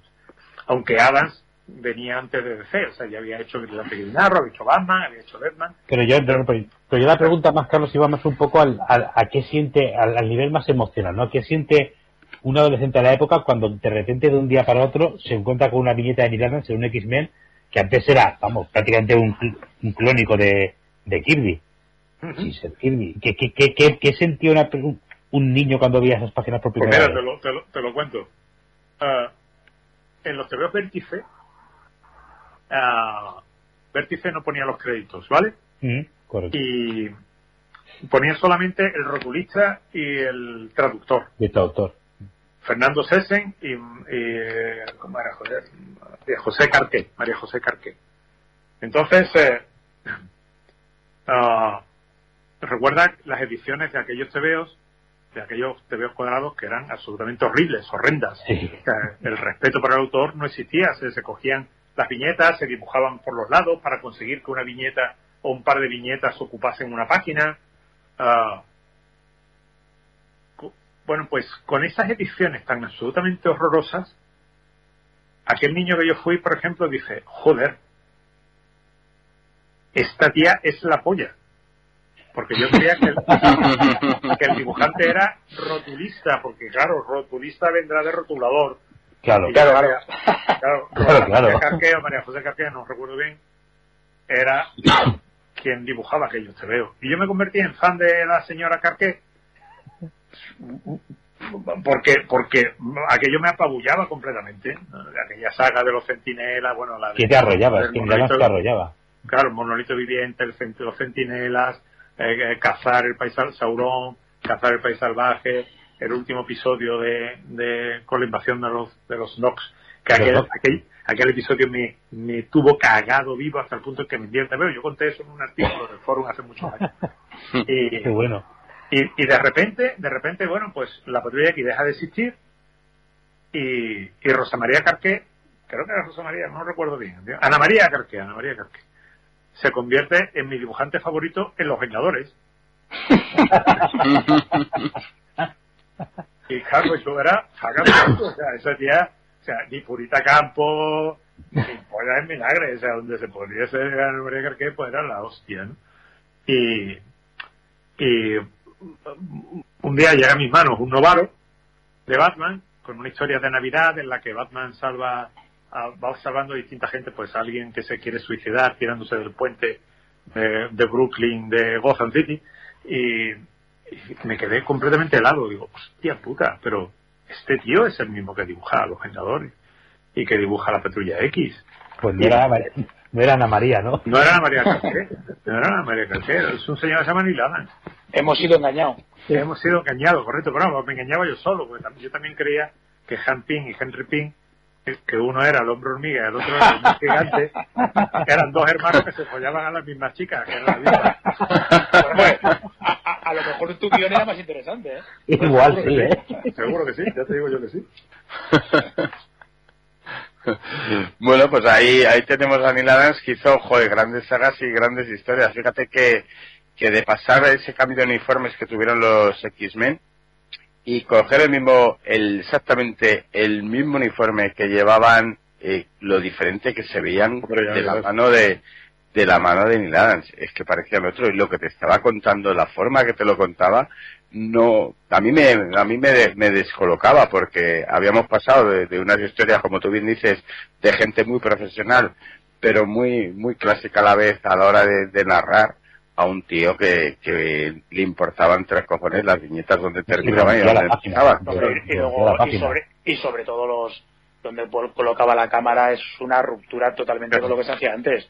O sea, yo recuerdo mi primera aproximación, igual que con la de Pérez, eh, fue esto con la de con la de Adams sin tener ni puta idea quién era Adams, fue este álbum de Bruguera que era la portada doble con la con la, de la saga de Ra's al Ghul. Ra's al Ghul. Bueno, bueno. Y yo ahí me quedé, o sea, yo estaba absolutamente enloquecido. O sea, yo cuando ves esta primera viñeta, que es el Robin Kent, que le meten un tiro y tal, y, luego esas manos, ¿no? Como en tensión, es- es- ese Batman espigado y fibroso corriendo, o sea, era como decir, pero esto qué es, o sea, esta maravilla, ¿de dónde, o sea, de dónde ha salido esta cosa, no? Y Bueno, recuerdo haberlo flipado. Y bueno, os recuerdo, por ejemplo, hablando de los diseños de los, de los trajes de los superhéroes, que evidentemente cuando, cuando Adams eh, toca los, los diseños, eh, toca los trajes de los X-Men, dibujando exactamente iguales, eran completamente distintos. Pero es que además te crea, por ejemplo, a Havoc y le cambia, y le cambia el traje al Ángel, que son dos de los mejores diseños que jamás se han hecho en Marvel. Sí, que es increíble. Sí, porque el de, el de Caos, vamos, el de Caos es insuperable. No, no tener un traje mejor que ese. Claro, claro. Y el del ángel, o sea, a mí el del ángel me parece una jodida maravilla, ¿no? Ese, el diseño del traje del ángel, el traje azul con y blanco. La banda blanca, sí. El que yo me parecía acojonante. Y, y entonces tú tenías la sensación de que, de que ese señor estaba moviendo el suelo en el que se, en el que se asentaban los personajes, los TV Marvel. Que aquello iba a cambiar todo y que aquello lo, lo iba a transformar todo. Y efectivamente, lo transformó todo y lo cambió todo, claro. No, y, y de hecho, bueno, luego Los Vengadores, yo creo que el TVO que más me ha gustado en mi vida de Los Vengadores es el de El viaje al centro del androide. Hombre, por favor. Porque me parece, Sí. vamos, es que visualmente, porque al final yo creo que todos hemos pensado alguna vez, coño, ¿cómo será la visión por dentro? ¿O cómo será un robot por dentro? Pero claro, de la manera que te lo plasman y ganas, cuando ves al hombre hormiga entrar por dentro del cuerpo, es que es, vamos, es que estás tú dentro del, del androide directamente. Yo creo Pues mira, que os cuento, os cuento una anécdota que ya le he contado en, en otros sitios, evidentemente, pero son las mías, no tengo otras. Pues eh, las puedo inventar, pero no creo que cuelen. Pues eh, que yo, otra cosa que aprendí con Neil Adams y aprendí con George Pérez, y que es una cosa que yo hago muchísimo, porque estos dos señores me ayudaron a entender que yo, siendo un chaval de un pueblo del sur de España, del, más al sur ya no hay, ya te caes al agua. Bueno, pues, de, la península, perdón por lo- la gente de Canarias que, que se me enfadan. Sí, hablo de la península, hablo de la península. Pero, pues, sin embargo, tenía unas conexiones culturales con esos señores, con esos dos dibujantes en particular, gracias a cosas que ellos metían por ahí, eh, y que yo no sabía que yo iba a coincidir con eso. Me explico. En aquel TVO de, de, de Viaje al centro del androide, eh, que además todos los TVO de la saga Kiris Krull tienen, son trasuntos de novelas de, entre los nombres son trasuntos de novelas de, de la ciencia ficción clásica. Eh, en, en el viaje al centro del androide, ah, las hormigas tenían un nombre particular, o sea, la- las tres hormigas que acompañan a- al hombre hormiga al interior del, del cuerpo de la visión tenían unos nombres. En la edición española no se les dio, en la edición española no se les dio. Yo era muy niño porque en aquellos tiempos eh, había 10 años de diferencia cultural entre Estados Unidos y España. Entonces, yo en aquel tiempo leía aquel TVO, no venía el nombre, y si hubieran venido no me hubiera dado cuenta, pero no venían. El caso es que un- unos cuantos años más adelante, unos tres años quizás más adelante, yo empiezo a conocer el rock, empiezo a conocer la música, empiezo de, de- de aquella época, y, y uno de mis grupos, una de mis bandas, que no son grupos, una de mis bandas favoritas, eran Crosby, y Nash and Young. Pues eh, digo Young al final porque en, en el primer disco no estaba y, y siempre se separó de crítica y público. Bueno, pues un día leyendo un libro sobre superhéroes llamado Amazing, Amazing Heroes, descubro que el nombre de las hormigas eran Crosby, Stills y Nash. Ah, y me quedo patidifuso, porque claro, yo no sabía que esos autores pudieran tener ese interés por ese grupo que yo conocí años después. Y, de repente descubro que mis autores favoritos, en mis TVO favoritos, le están dando el nombre de mis músicos favoritos a esas hormigas. Y entonces me di cuenta de que hay una conexión inmediata entre lo que nos alimentaba a los que hacían y a los que consumíamos eso.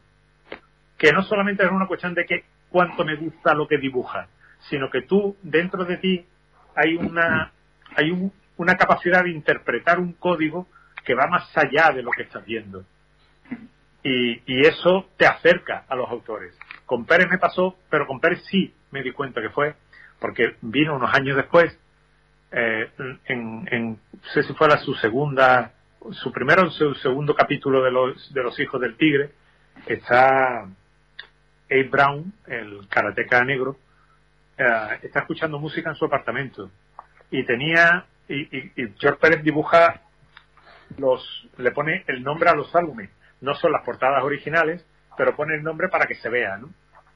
y, y está escuchando un disco de Stevie Wonder el Inner Visions yo ya era muy fan de, de, de, Stevie Wonder de hecho la saga de la corona de la serpiente la tengo asociada a, a I Was Made for Love to Her de, de Wonder y otro disco era el Puzzle People de los de los Temptations que yo también ya los conocía ¿no?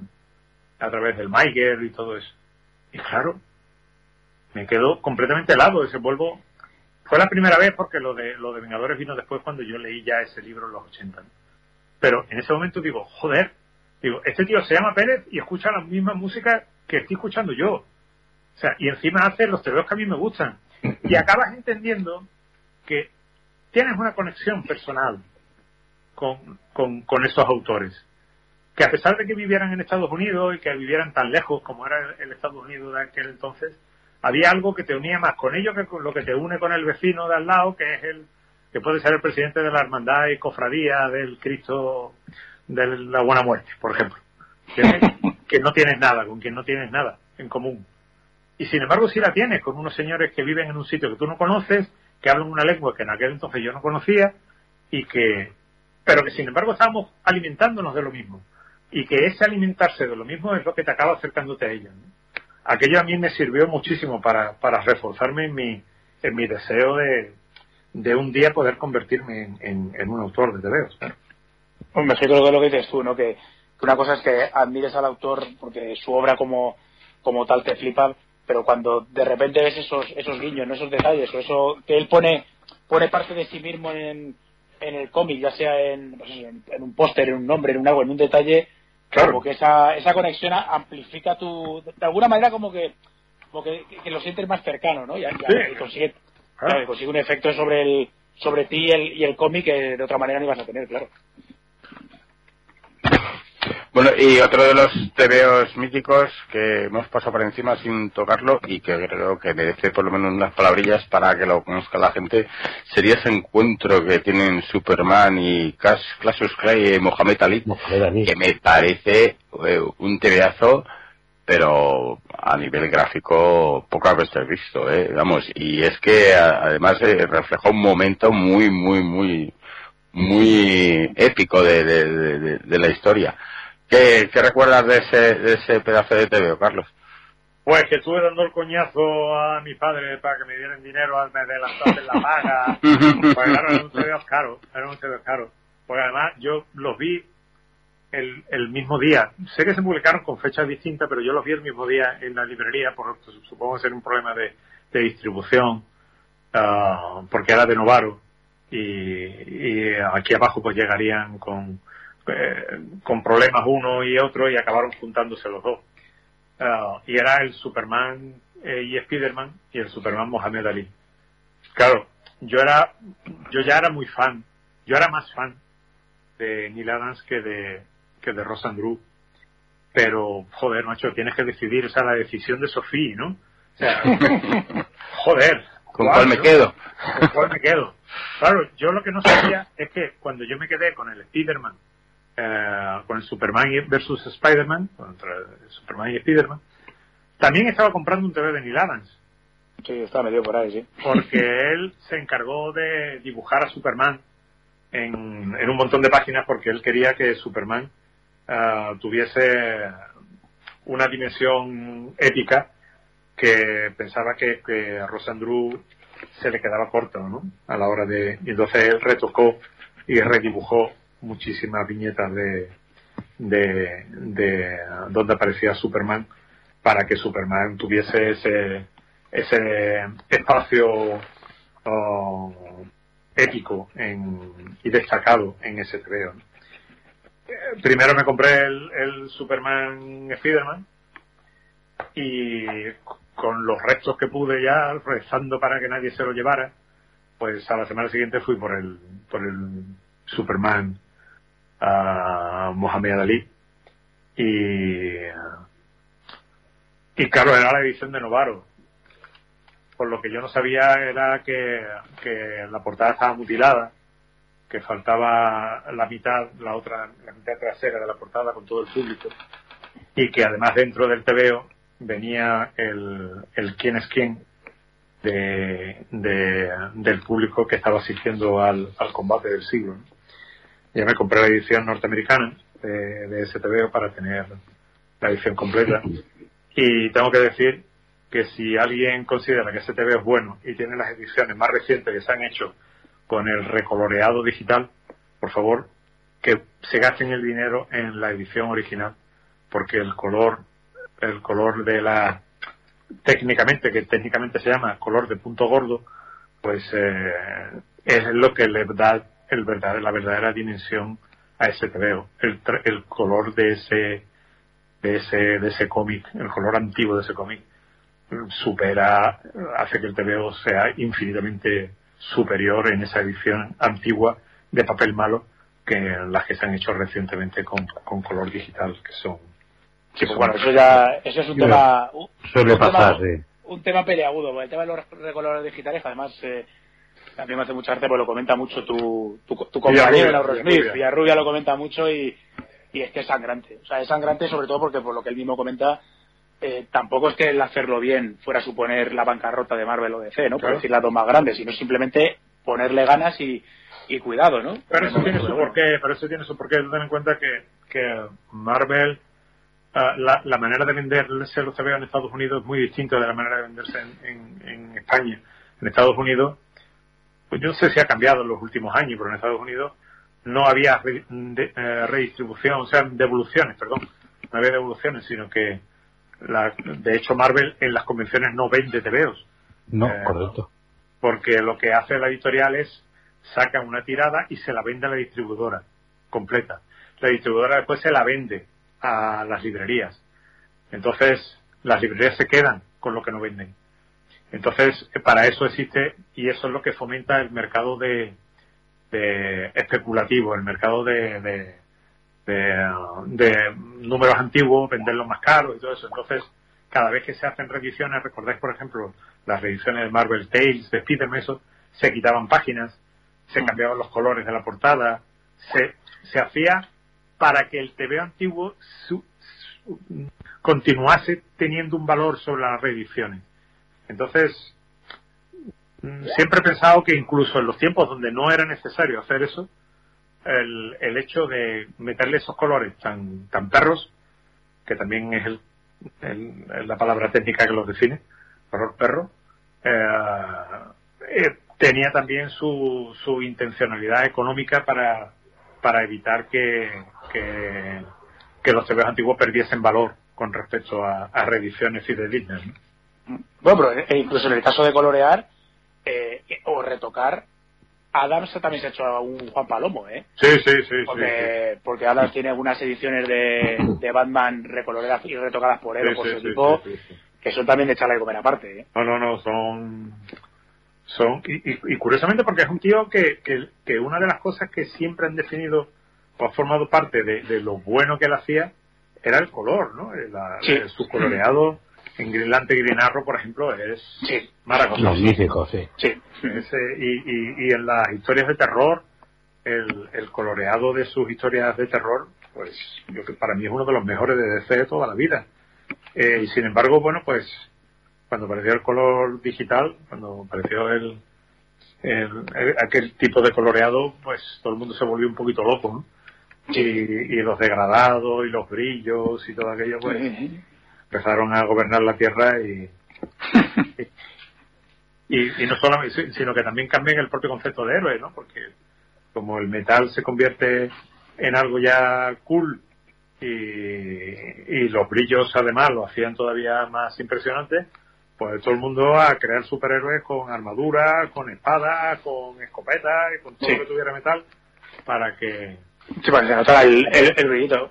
Sí, Claro, pero incluso cuando, claro. incluso cuando retocaba sus, sus Batman, es que a, a lo tonto realmente cambias el, la visión del, del TV. Sí, Claro, sí. tú empiezas a meterle degradados a una capa que, por ejemplo, antes era lisa y el color azul de la, del estándar de Batman y empiezas a meterle un gradiente por aquí y una luz por acá, es que directamente desvirtúa. Yo personalmente creo que él, él mismo desvirtuaba su, su tinta y su trabajo, pero bueno, evidentemente él es el, el, el, el creador, el artista, y lo, y lo ha retocado así, pues para todo lo que se los cojones, claro. Pues sí. Eso está claro. Pues sí. Y vamos a imaginarnos que llega un, un, un hada que nos concede tener una, no voy a decir un TVO favorito, pero una página de, de, de este pedazo de artista. ¿Y con qué página os, os quedaríais que os ha marcado ahí, se os ha grabado en la cabeza? A ver, Carlos, te llega hada. Te Bueno, yo tengo una varias. página de Neil Adams. Yo tengo varias. Pues solo te doy una, dice el hada. No, ya, pero... Mira, Ada, yo te digo, yo te digo unas cuantas, yo te digo unas cuantas y tú me das la que te salga de la varita. Venga, se hará un poe. Un poe. Pues mira, ah, una de mis páginas favoritas de Nidanas, la aparición de Tritón saliendo de la... Oh. Vaya, Bueno, es que esa se la tengo prometido a Ryan, dice.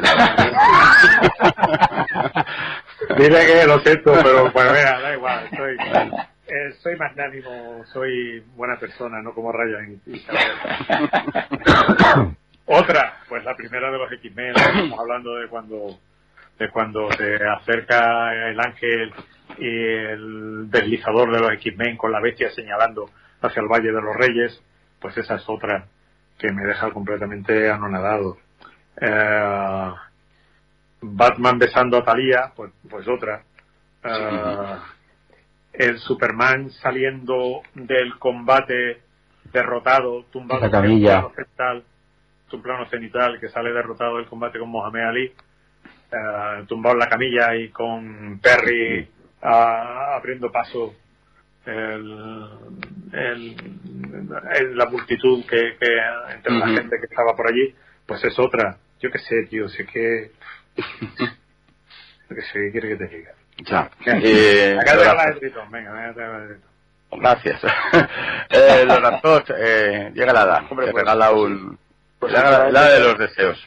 Sinceramente, de cualquiera de estos dos me valdría cualquiera, en el caso de Adam. Pero vamos, yo aquí, eh, o esa portada que comentaba, esa portada doble de que se ve la silueta de, o la cara de Ras al Ghul sobre el cadáver de Robin y Talia ahí de fondo y, y Batman, me parece algo increíble. Y si no, la página en la que, en la que sale esta escena que comentaba, eh, comentaba Carlos, o la del beso de Talia, o la anterior, que a mí me parece, cuando la vi en ese álbum me marcó, esa pedazo hostia que le mete Batman a, a Ras al Ghul, o sea que me parece la energía que tiene eso, la potencia que tiene es que dices, hostia, es que lo ha matado, o sea, ves, ves cómo está dibujado y, y lo que te está y lo que te está transmitiendo, aparte que un, un Batman pecho lobo siempre es un Batman mejor, ¿no? Eso, eso aparte. El pecho Y- lo mismo, el pecho lo el mismo. pecho lo mismo. Hombre, Va a volver, que si- le pregunten a Josh Brolin. Toda, vuelven, vuelven los pechos, los pechos velludos y, y pecho lobos. Bueno, y Sergio, ¿qué página te dejamos? Yo ¿Qué- creo que me quedaría con la portada de Monolito Viviente. Pero con la, con la edición, con la primera versión que había, la que estaban los X-Men metidos dentro de las letras del logo. De hecho, vamos, creo que es, bueno, creo no, es, hace unos años me compré una edición original usa de ese TVO porque es que me, esa portada es que me, me alucina muchísimo, vamos. Sí. Porque es puro poder, es pura potencia, es, sientes la amenaza eh, dentro de ti, es que, vamos, me parece Bueno, algo y- bien esa portada. y además luego luego la homenajea a tu querido Virne con Fénix Sí, claro, con Félix Ah, Oscura, correcto. A sacar el Fénix. Sí, sí. Así que, bueno, y para terminar con Adams, yo, bueno, aquí quiero ver, a ver qué, qué piensas tú, Carlos, pues yo entiendo que de alguna manera, aunque sea indirectamente, ha afectado a todos los autores a, a posteriori, ¿no? Porque aparte de su va- valía como autor, eh, hay que tener en cuenta que Adams es un tío que estuvo bregándose por los derechos de autor como una bestia. Y que Sí, si, implicado. y que si ahora mismo aparece el nombre de Jerry Siegel y Joe Shuster en, lo- en los cómics de Superman, Gracias a él. eh, eh, es gracias a él. Que cuando fue a salir la película de Superman, montó un pitoste de cojones. Ah. Estuvo ahí Pues- al pie del cañón. Pues mira, yo es algo que también he comentado en los últimos tiempos, porque no eh, esta mañana precisamente estuve, me entrevistaba en Radio 3 sobre el tema de Adams y Pérez y tal. Adams es un, es un caso muy particular, porque a mí es una cosa de ciertos aficionados que siempre me llama mucho la atención, que es cuando dicen, es un autor sin obra. Cuando hablan de alguien que, que tiene poco recorrido dentro de una colección, se supone que el autor con obra tiene un plus por el hecho de estar cinco años dibujando la misma colección. Y, y sin embargo, Neil Adams, o sea, se supone que, que el- el- el- el- la valía del autor la define el tener esa obra, ¿no? Tener esa, pues como yo Pérez con los titanes, por ejemplo, ¿no? Pero, sin embargo, Neil Adams es un autor sin obra. Porque Neil Adams, su, las etapas en sus colecciones, las colecciones en las que ha trabajado, pues eh, el número de, de, de TVOs en los que trabajaba era cortísimo. ¿no? Y, y, sin embargo, imagínate el, el impacto tan grande que tiene Neil Adams en la profesión. Eh, Cuando, cuando tú te pones a reflexionar sobre cuál es la obra de Neil Adams, yo siempre he pensado que la gran obra de Neil Adams se, se llama Neil Adams. Que Neil Adams se convierte en su propio trabajo. Y lo hace porque llega un momento en que no puede separar el dibujante del ilustrador, ni puede separarlo también de ese tipo que lucha por los derechos de los autores. Porque todo es lo mismo. Porque Neil Adams, si, si consigue eh, la victoria sobre, sobre editoriales para que dobleguen el, el brazo y, y, y sean capaces de, de reconocer el- la- las exigencias de alguien como Neil Adams, es precisamente porque él sabe cuál es su poder dentro de la industria. Entonces él utiliza todo como un todo, se utiliza su capacidad de dibujar para tener una posición y utiliza esa posición para conseguir cosas para los autores, conseguir que devuelvan los originales, conseguir que los autores creadores de una colección tengan una compensación económica digna por los beneficios, por las, por las plusvalías que esos tebeos eh, generan. Entonces, eh, ah, la grandeza precisamente de Neil Adams consiste en eso, consiste en que no ha utilizado su, su poder para en su en, en su propio beneficio sino en la creación de un nombre que pudiese ayudar a la industria utilizar su, su, su poder para el bien. Claro, exacto. Ah, por ejemplo, ayudar a todas las generaciones de autores que llegaron, que llegaron después de él, desde Larry Hama a Frank Miller, a Power Shaking, etcétera, etcétera. Es decir, ah, hay una generación en los 70 de autores que él cuando ya se retira de del dibujo de manera constante, aunque él siempre hacía portadas y todo, pero cuando ella se retira de, de tener un nombre, una presencia habitual en los cómics y se pone a trabajar en publicidad en- y crea continuity, ¿no? Y se pone a trabajar en continuidad, en, en hacer, eh, perdón, en publicidad, en hacer carteles de cine, portadas de discos, eh, historietas como El Hijo de Dios, ¿no? Para National Lampoon, que es una parodia sobre, sobre Jesucristo, ah, que hoy sería inviable porque además está hecha por un judío, o sea, hoy sería en Irán ser judío. Sería- sería, sería, pues imagínate, ¿no? Lo que supone eso. Está ya Cancelado, ya de- cancelado, Twitter- cancelado, Twitter cancelado. está ya directamente. Cancelado. Entonces, entonces eh, eh, lo que hizo, lo que hizo Neil Adams por la industria mm, solamente puede entenderse desde la perspectiva de que de que su gran obra es es él en el sentido en que todo aquello en lo que él pudiese meter mano para convertir el mundo del cómic en un lugar mejor, allí estaba Neil Adams. Sí, sí, porque además también tampoco olvidemos que ahora mismo Kirby es una figura reconocida, pero eh, Adams tiene que reivindicarle en su momento a finales de los 70, porque cuando él vuelve de DC a Marvel, la peña se ríe de él, literalmente. Sí, sí. Y Adams está ahí también al pie del cañón para decirle, "Eh, chavales, es que es, es Kirby, o sea que si estamos Claro. aquí todos es, es por Es él. por él. De hecho, él le ayudó, de hecho, él eh, entintó en sus proyectos personales para DC, él entintaba portadas para, para Jimmy Olsen, eh, los tebeos de Jimmy Olsen. ¿no? Eh, el, ten en cuenta que hoy día, por lo que tú dices, ¿no? Hoy día nadie, eh, nadie osa eh, discutir sobre, sobre Jack Kirby. Pero hubo un tiempo en el que Jack Kirby, por aquello, de- por aquello que decía, la contextualización, hoy se ve todo, com- hoy se ve todo el trabajo de un autor como un todo. Pero en aquel tiempo no, o sea, en aquel tiempo el, el- los cuatro fantásticos de los números del 50 en adelante mm, no tenía nada que ver con la saga de la vuelta del Capitán América o con la saga del Bicentenario. ¿no? Entonces, eh, el, el poner las cosas en su sitio y decir, bueno, si lo que conocéis es esto, es el problema de vuestra ignorancia, ¿no? Porque siendo cierto que esto es inferior a lo que hizo, pero el respeto que hay que tenerle a ese autor por todo lo que hizo tiene que ser mayúsculo, así que... Absolutamente.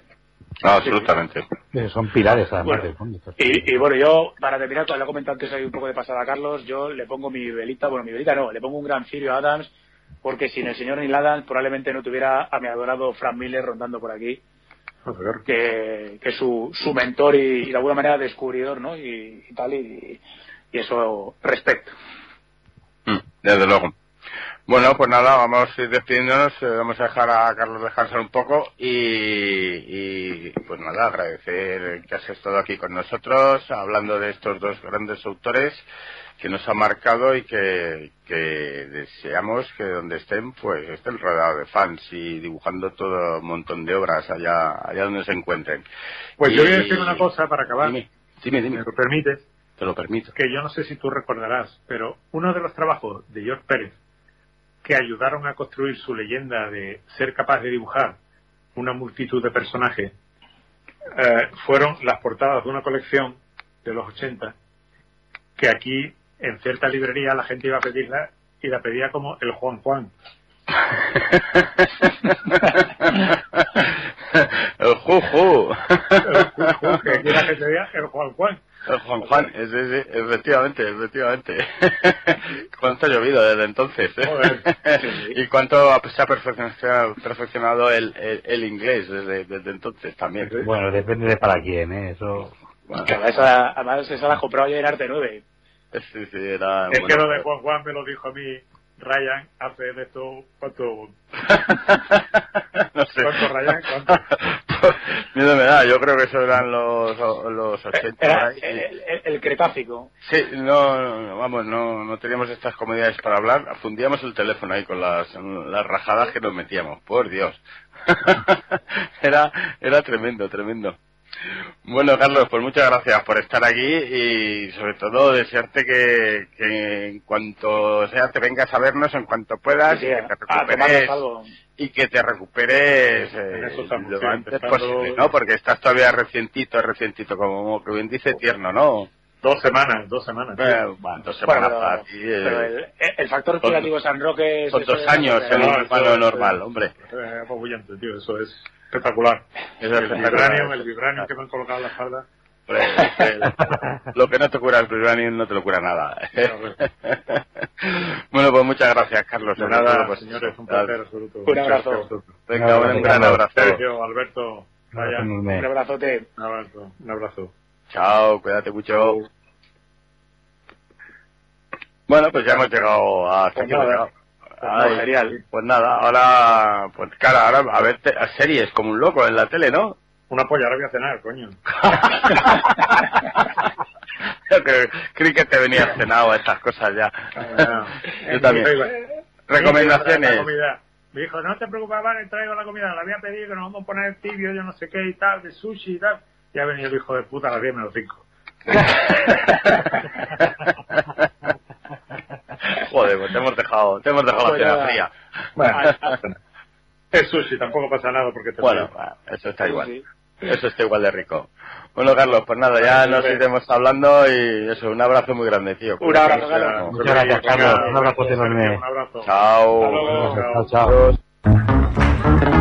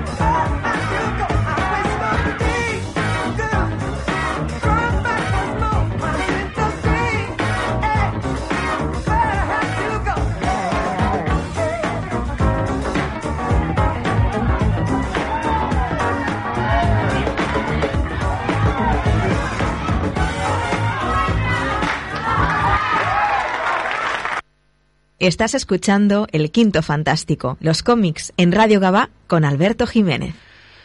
Bueno, pues creo que creo que se nos ha ido el tiempo escuchando sobre todo este gran podcast de, Ansia Viva. Permitidme simplemente decir que, fijaros, la conexión que existe, siempre ha existido, y siempre ha existido, una conexión entre cómics y música.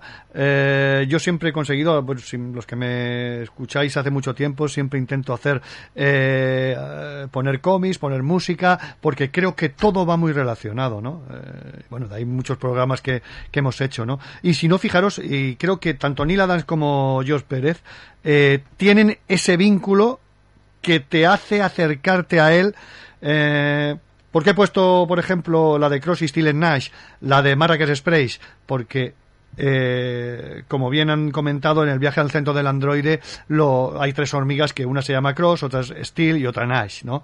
Y fijaros que en el libro Los hijos del tigres ahí están escuchando una canción, es una canción de Steel, de Stevie Wonder. No precisamente esta, pero esta es la que me, encanta y por eso. Ya eh, la pondremos en algún especial de música en cómics, seguro que pondremos que pondremos eh, los temas que, que ellos han puesto. Eh, como dice Pacheco, pues fijaros, no existía con Vértice, no existía, no existía ningún, ningún respeto, ¿no? Hacia, hacia el autor. Yo conocí el, eh, claro, yo me quedé encantado, ¿no? Por esta patrulla, esta patrulla X de Neil Adam, pero claro, eh, no lo conocí hasta que más tarde, pues ya empezaron las reediciones y ponen ahí, y ya se ponía, eh, quién la había dibujado, quién la había, quién, quién la había guionizado, con, con vértice pues esto prácticamente no existía como decía como habían comentado ellos. Eh, nada más que ponían el traductor y el rotulista y, y, y ya está eh, fijaros Carlos Pacheco se queda con, con el beso a Talía eh, el planeador de los X-Men bajando en el Valle de los Reyes Laura Thor se queda con, con el también con el beso, como no, al ser un Batmaníaco, no podía ser de otra manera. Eh, la historia de Batman con Ras al eh, Sergio con la portada del monolito viviente, Ryan con la de Tritón ahí apareciendo, que eso es, eso es impresionante, no me extraña que, que se peleara por, por, esta portada. Eh, mención especial, mención especial, y lo recomiendo, mucho porque yo también me enteré hace unos años del trabajo que hizo Neil Adams para la recuperación de los autores por su obra y sobre sobre todo sale en un libro eh, en un libro que, que habla de la vida de de Jerry Siegel y Joe Shuster, Hostia, no me acuerdo la editorial que es, ya que lo comentaré en el próximo programa. Eh, y entonces él, fue un auténtico baluarte en recuperar los derechos, sobre todo de Jerry Siegel y Joe Shuster, eh, sobre todo en la primera película de Superman, ¿no? Para que aparecieran en, lo, en los títulos de crédito. Vaya. Y yo, como no, yo como mutante, mutante que soy, pues vamos, me quedo con la etapa de los X-Men, Tierra Salvaje, Centinelas, eh, bueno, aquello fue, aquello, la Sauron, por supuesto, eh, me quedo con eso, porque, como ya os comentaba, es un poco de fenestrada, pero para mí fue un auténtico fue un auténtico ca cañazo sobre todo fíjate la etapa de Sauron con Carlicos eh, bueno ese fue un auténtico un auténtico pelotazo vaya. Y bueno pues prácticamente pues pues ah y mi mejor Batman. Aunque igual algunos me van a crucificar. Siempre siempre hay dicen que hay un el, el super archienemigo de, de Batman es el Joker y tal. Yo para mí el super archienemigo de, de Batman, eh, no, de cómo no lo dibujó Neil Adams, eh, yo para mí será será Ras al Ghul, ¿no? Toda la historia, porque con esos eh, eh, la saga de Ras al Ghul, con esos pasos al pasado, Neil Adams lo hizo espectacular. A mí me, me, me enamoró me enamoró y sigue siendo sigue siendo después de la patrulla la obra favorita de, de Neil Adams es la saga de, de Ras al Ghul. Pues nada, pues oye, pues nos vamos a despedir porque, bueno, tendremos el Batman Day este mes, tenemos, tenemos cositas, eh, vamos a ver si, si ya en el próximo tenemos invitados aquí en la radio, hablamos y empezamos ya a funcionar, bueno, ya hemos funcionado, hemos empezado a funcionar con, con esta historia, simplemente agradecer una vez más a los componentes de, de, Ansia Viva en que, que hayan hecho este trabajo, que hayan hecho este programa de, de, de homenaje a, do- a dos monstruos de, de nuestro cómic, como son George Pérez y, Neil Adams. Y simplemente eso. ¿Queréis leer un, un cómic por la radio? Ya sabéis dónde nos tenéis. Aquí, en Radio Gabá, en el Quinto Fantástico. Gracias y hasta la próxima.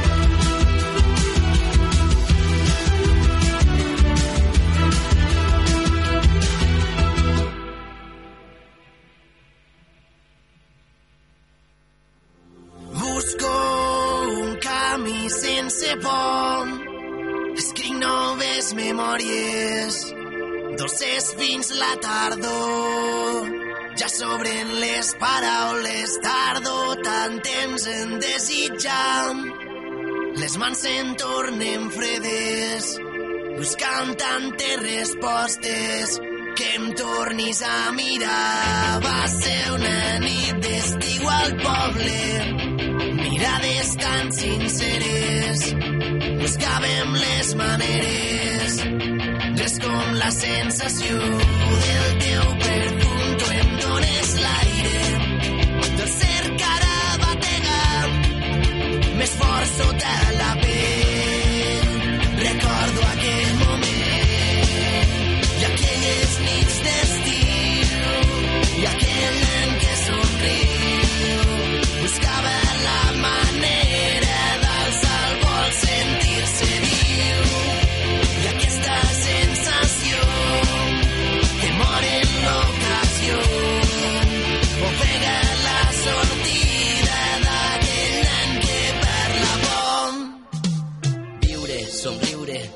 Per respirar. Ruïnes, records, el que junts vam crear. Tots els moments, sense parar de riure. Creure en el somni que junts vam somiar. La història s'aguanta en els seus precedents. La vida és una i aquesta et regala el temps.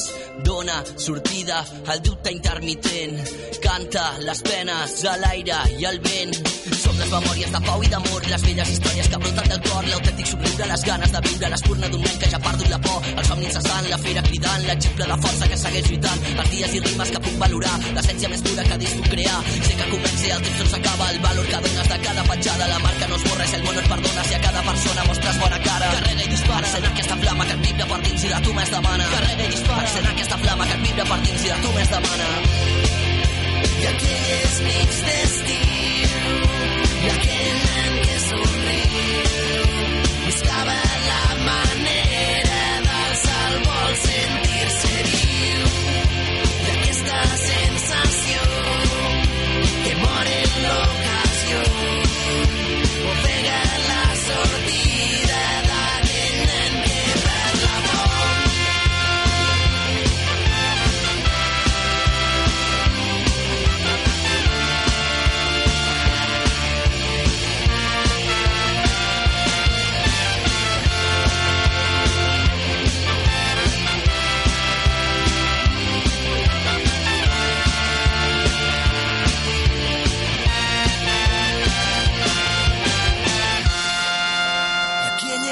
nits d'estiu i aquell nen que somriu buscava la manera d'alçar el vol, sentir-se viu i aquesta sensació que mor en l'ocasió ofega la sortida d'aquell nen que perd la por.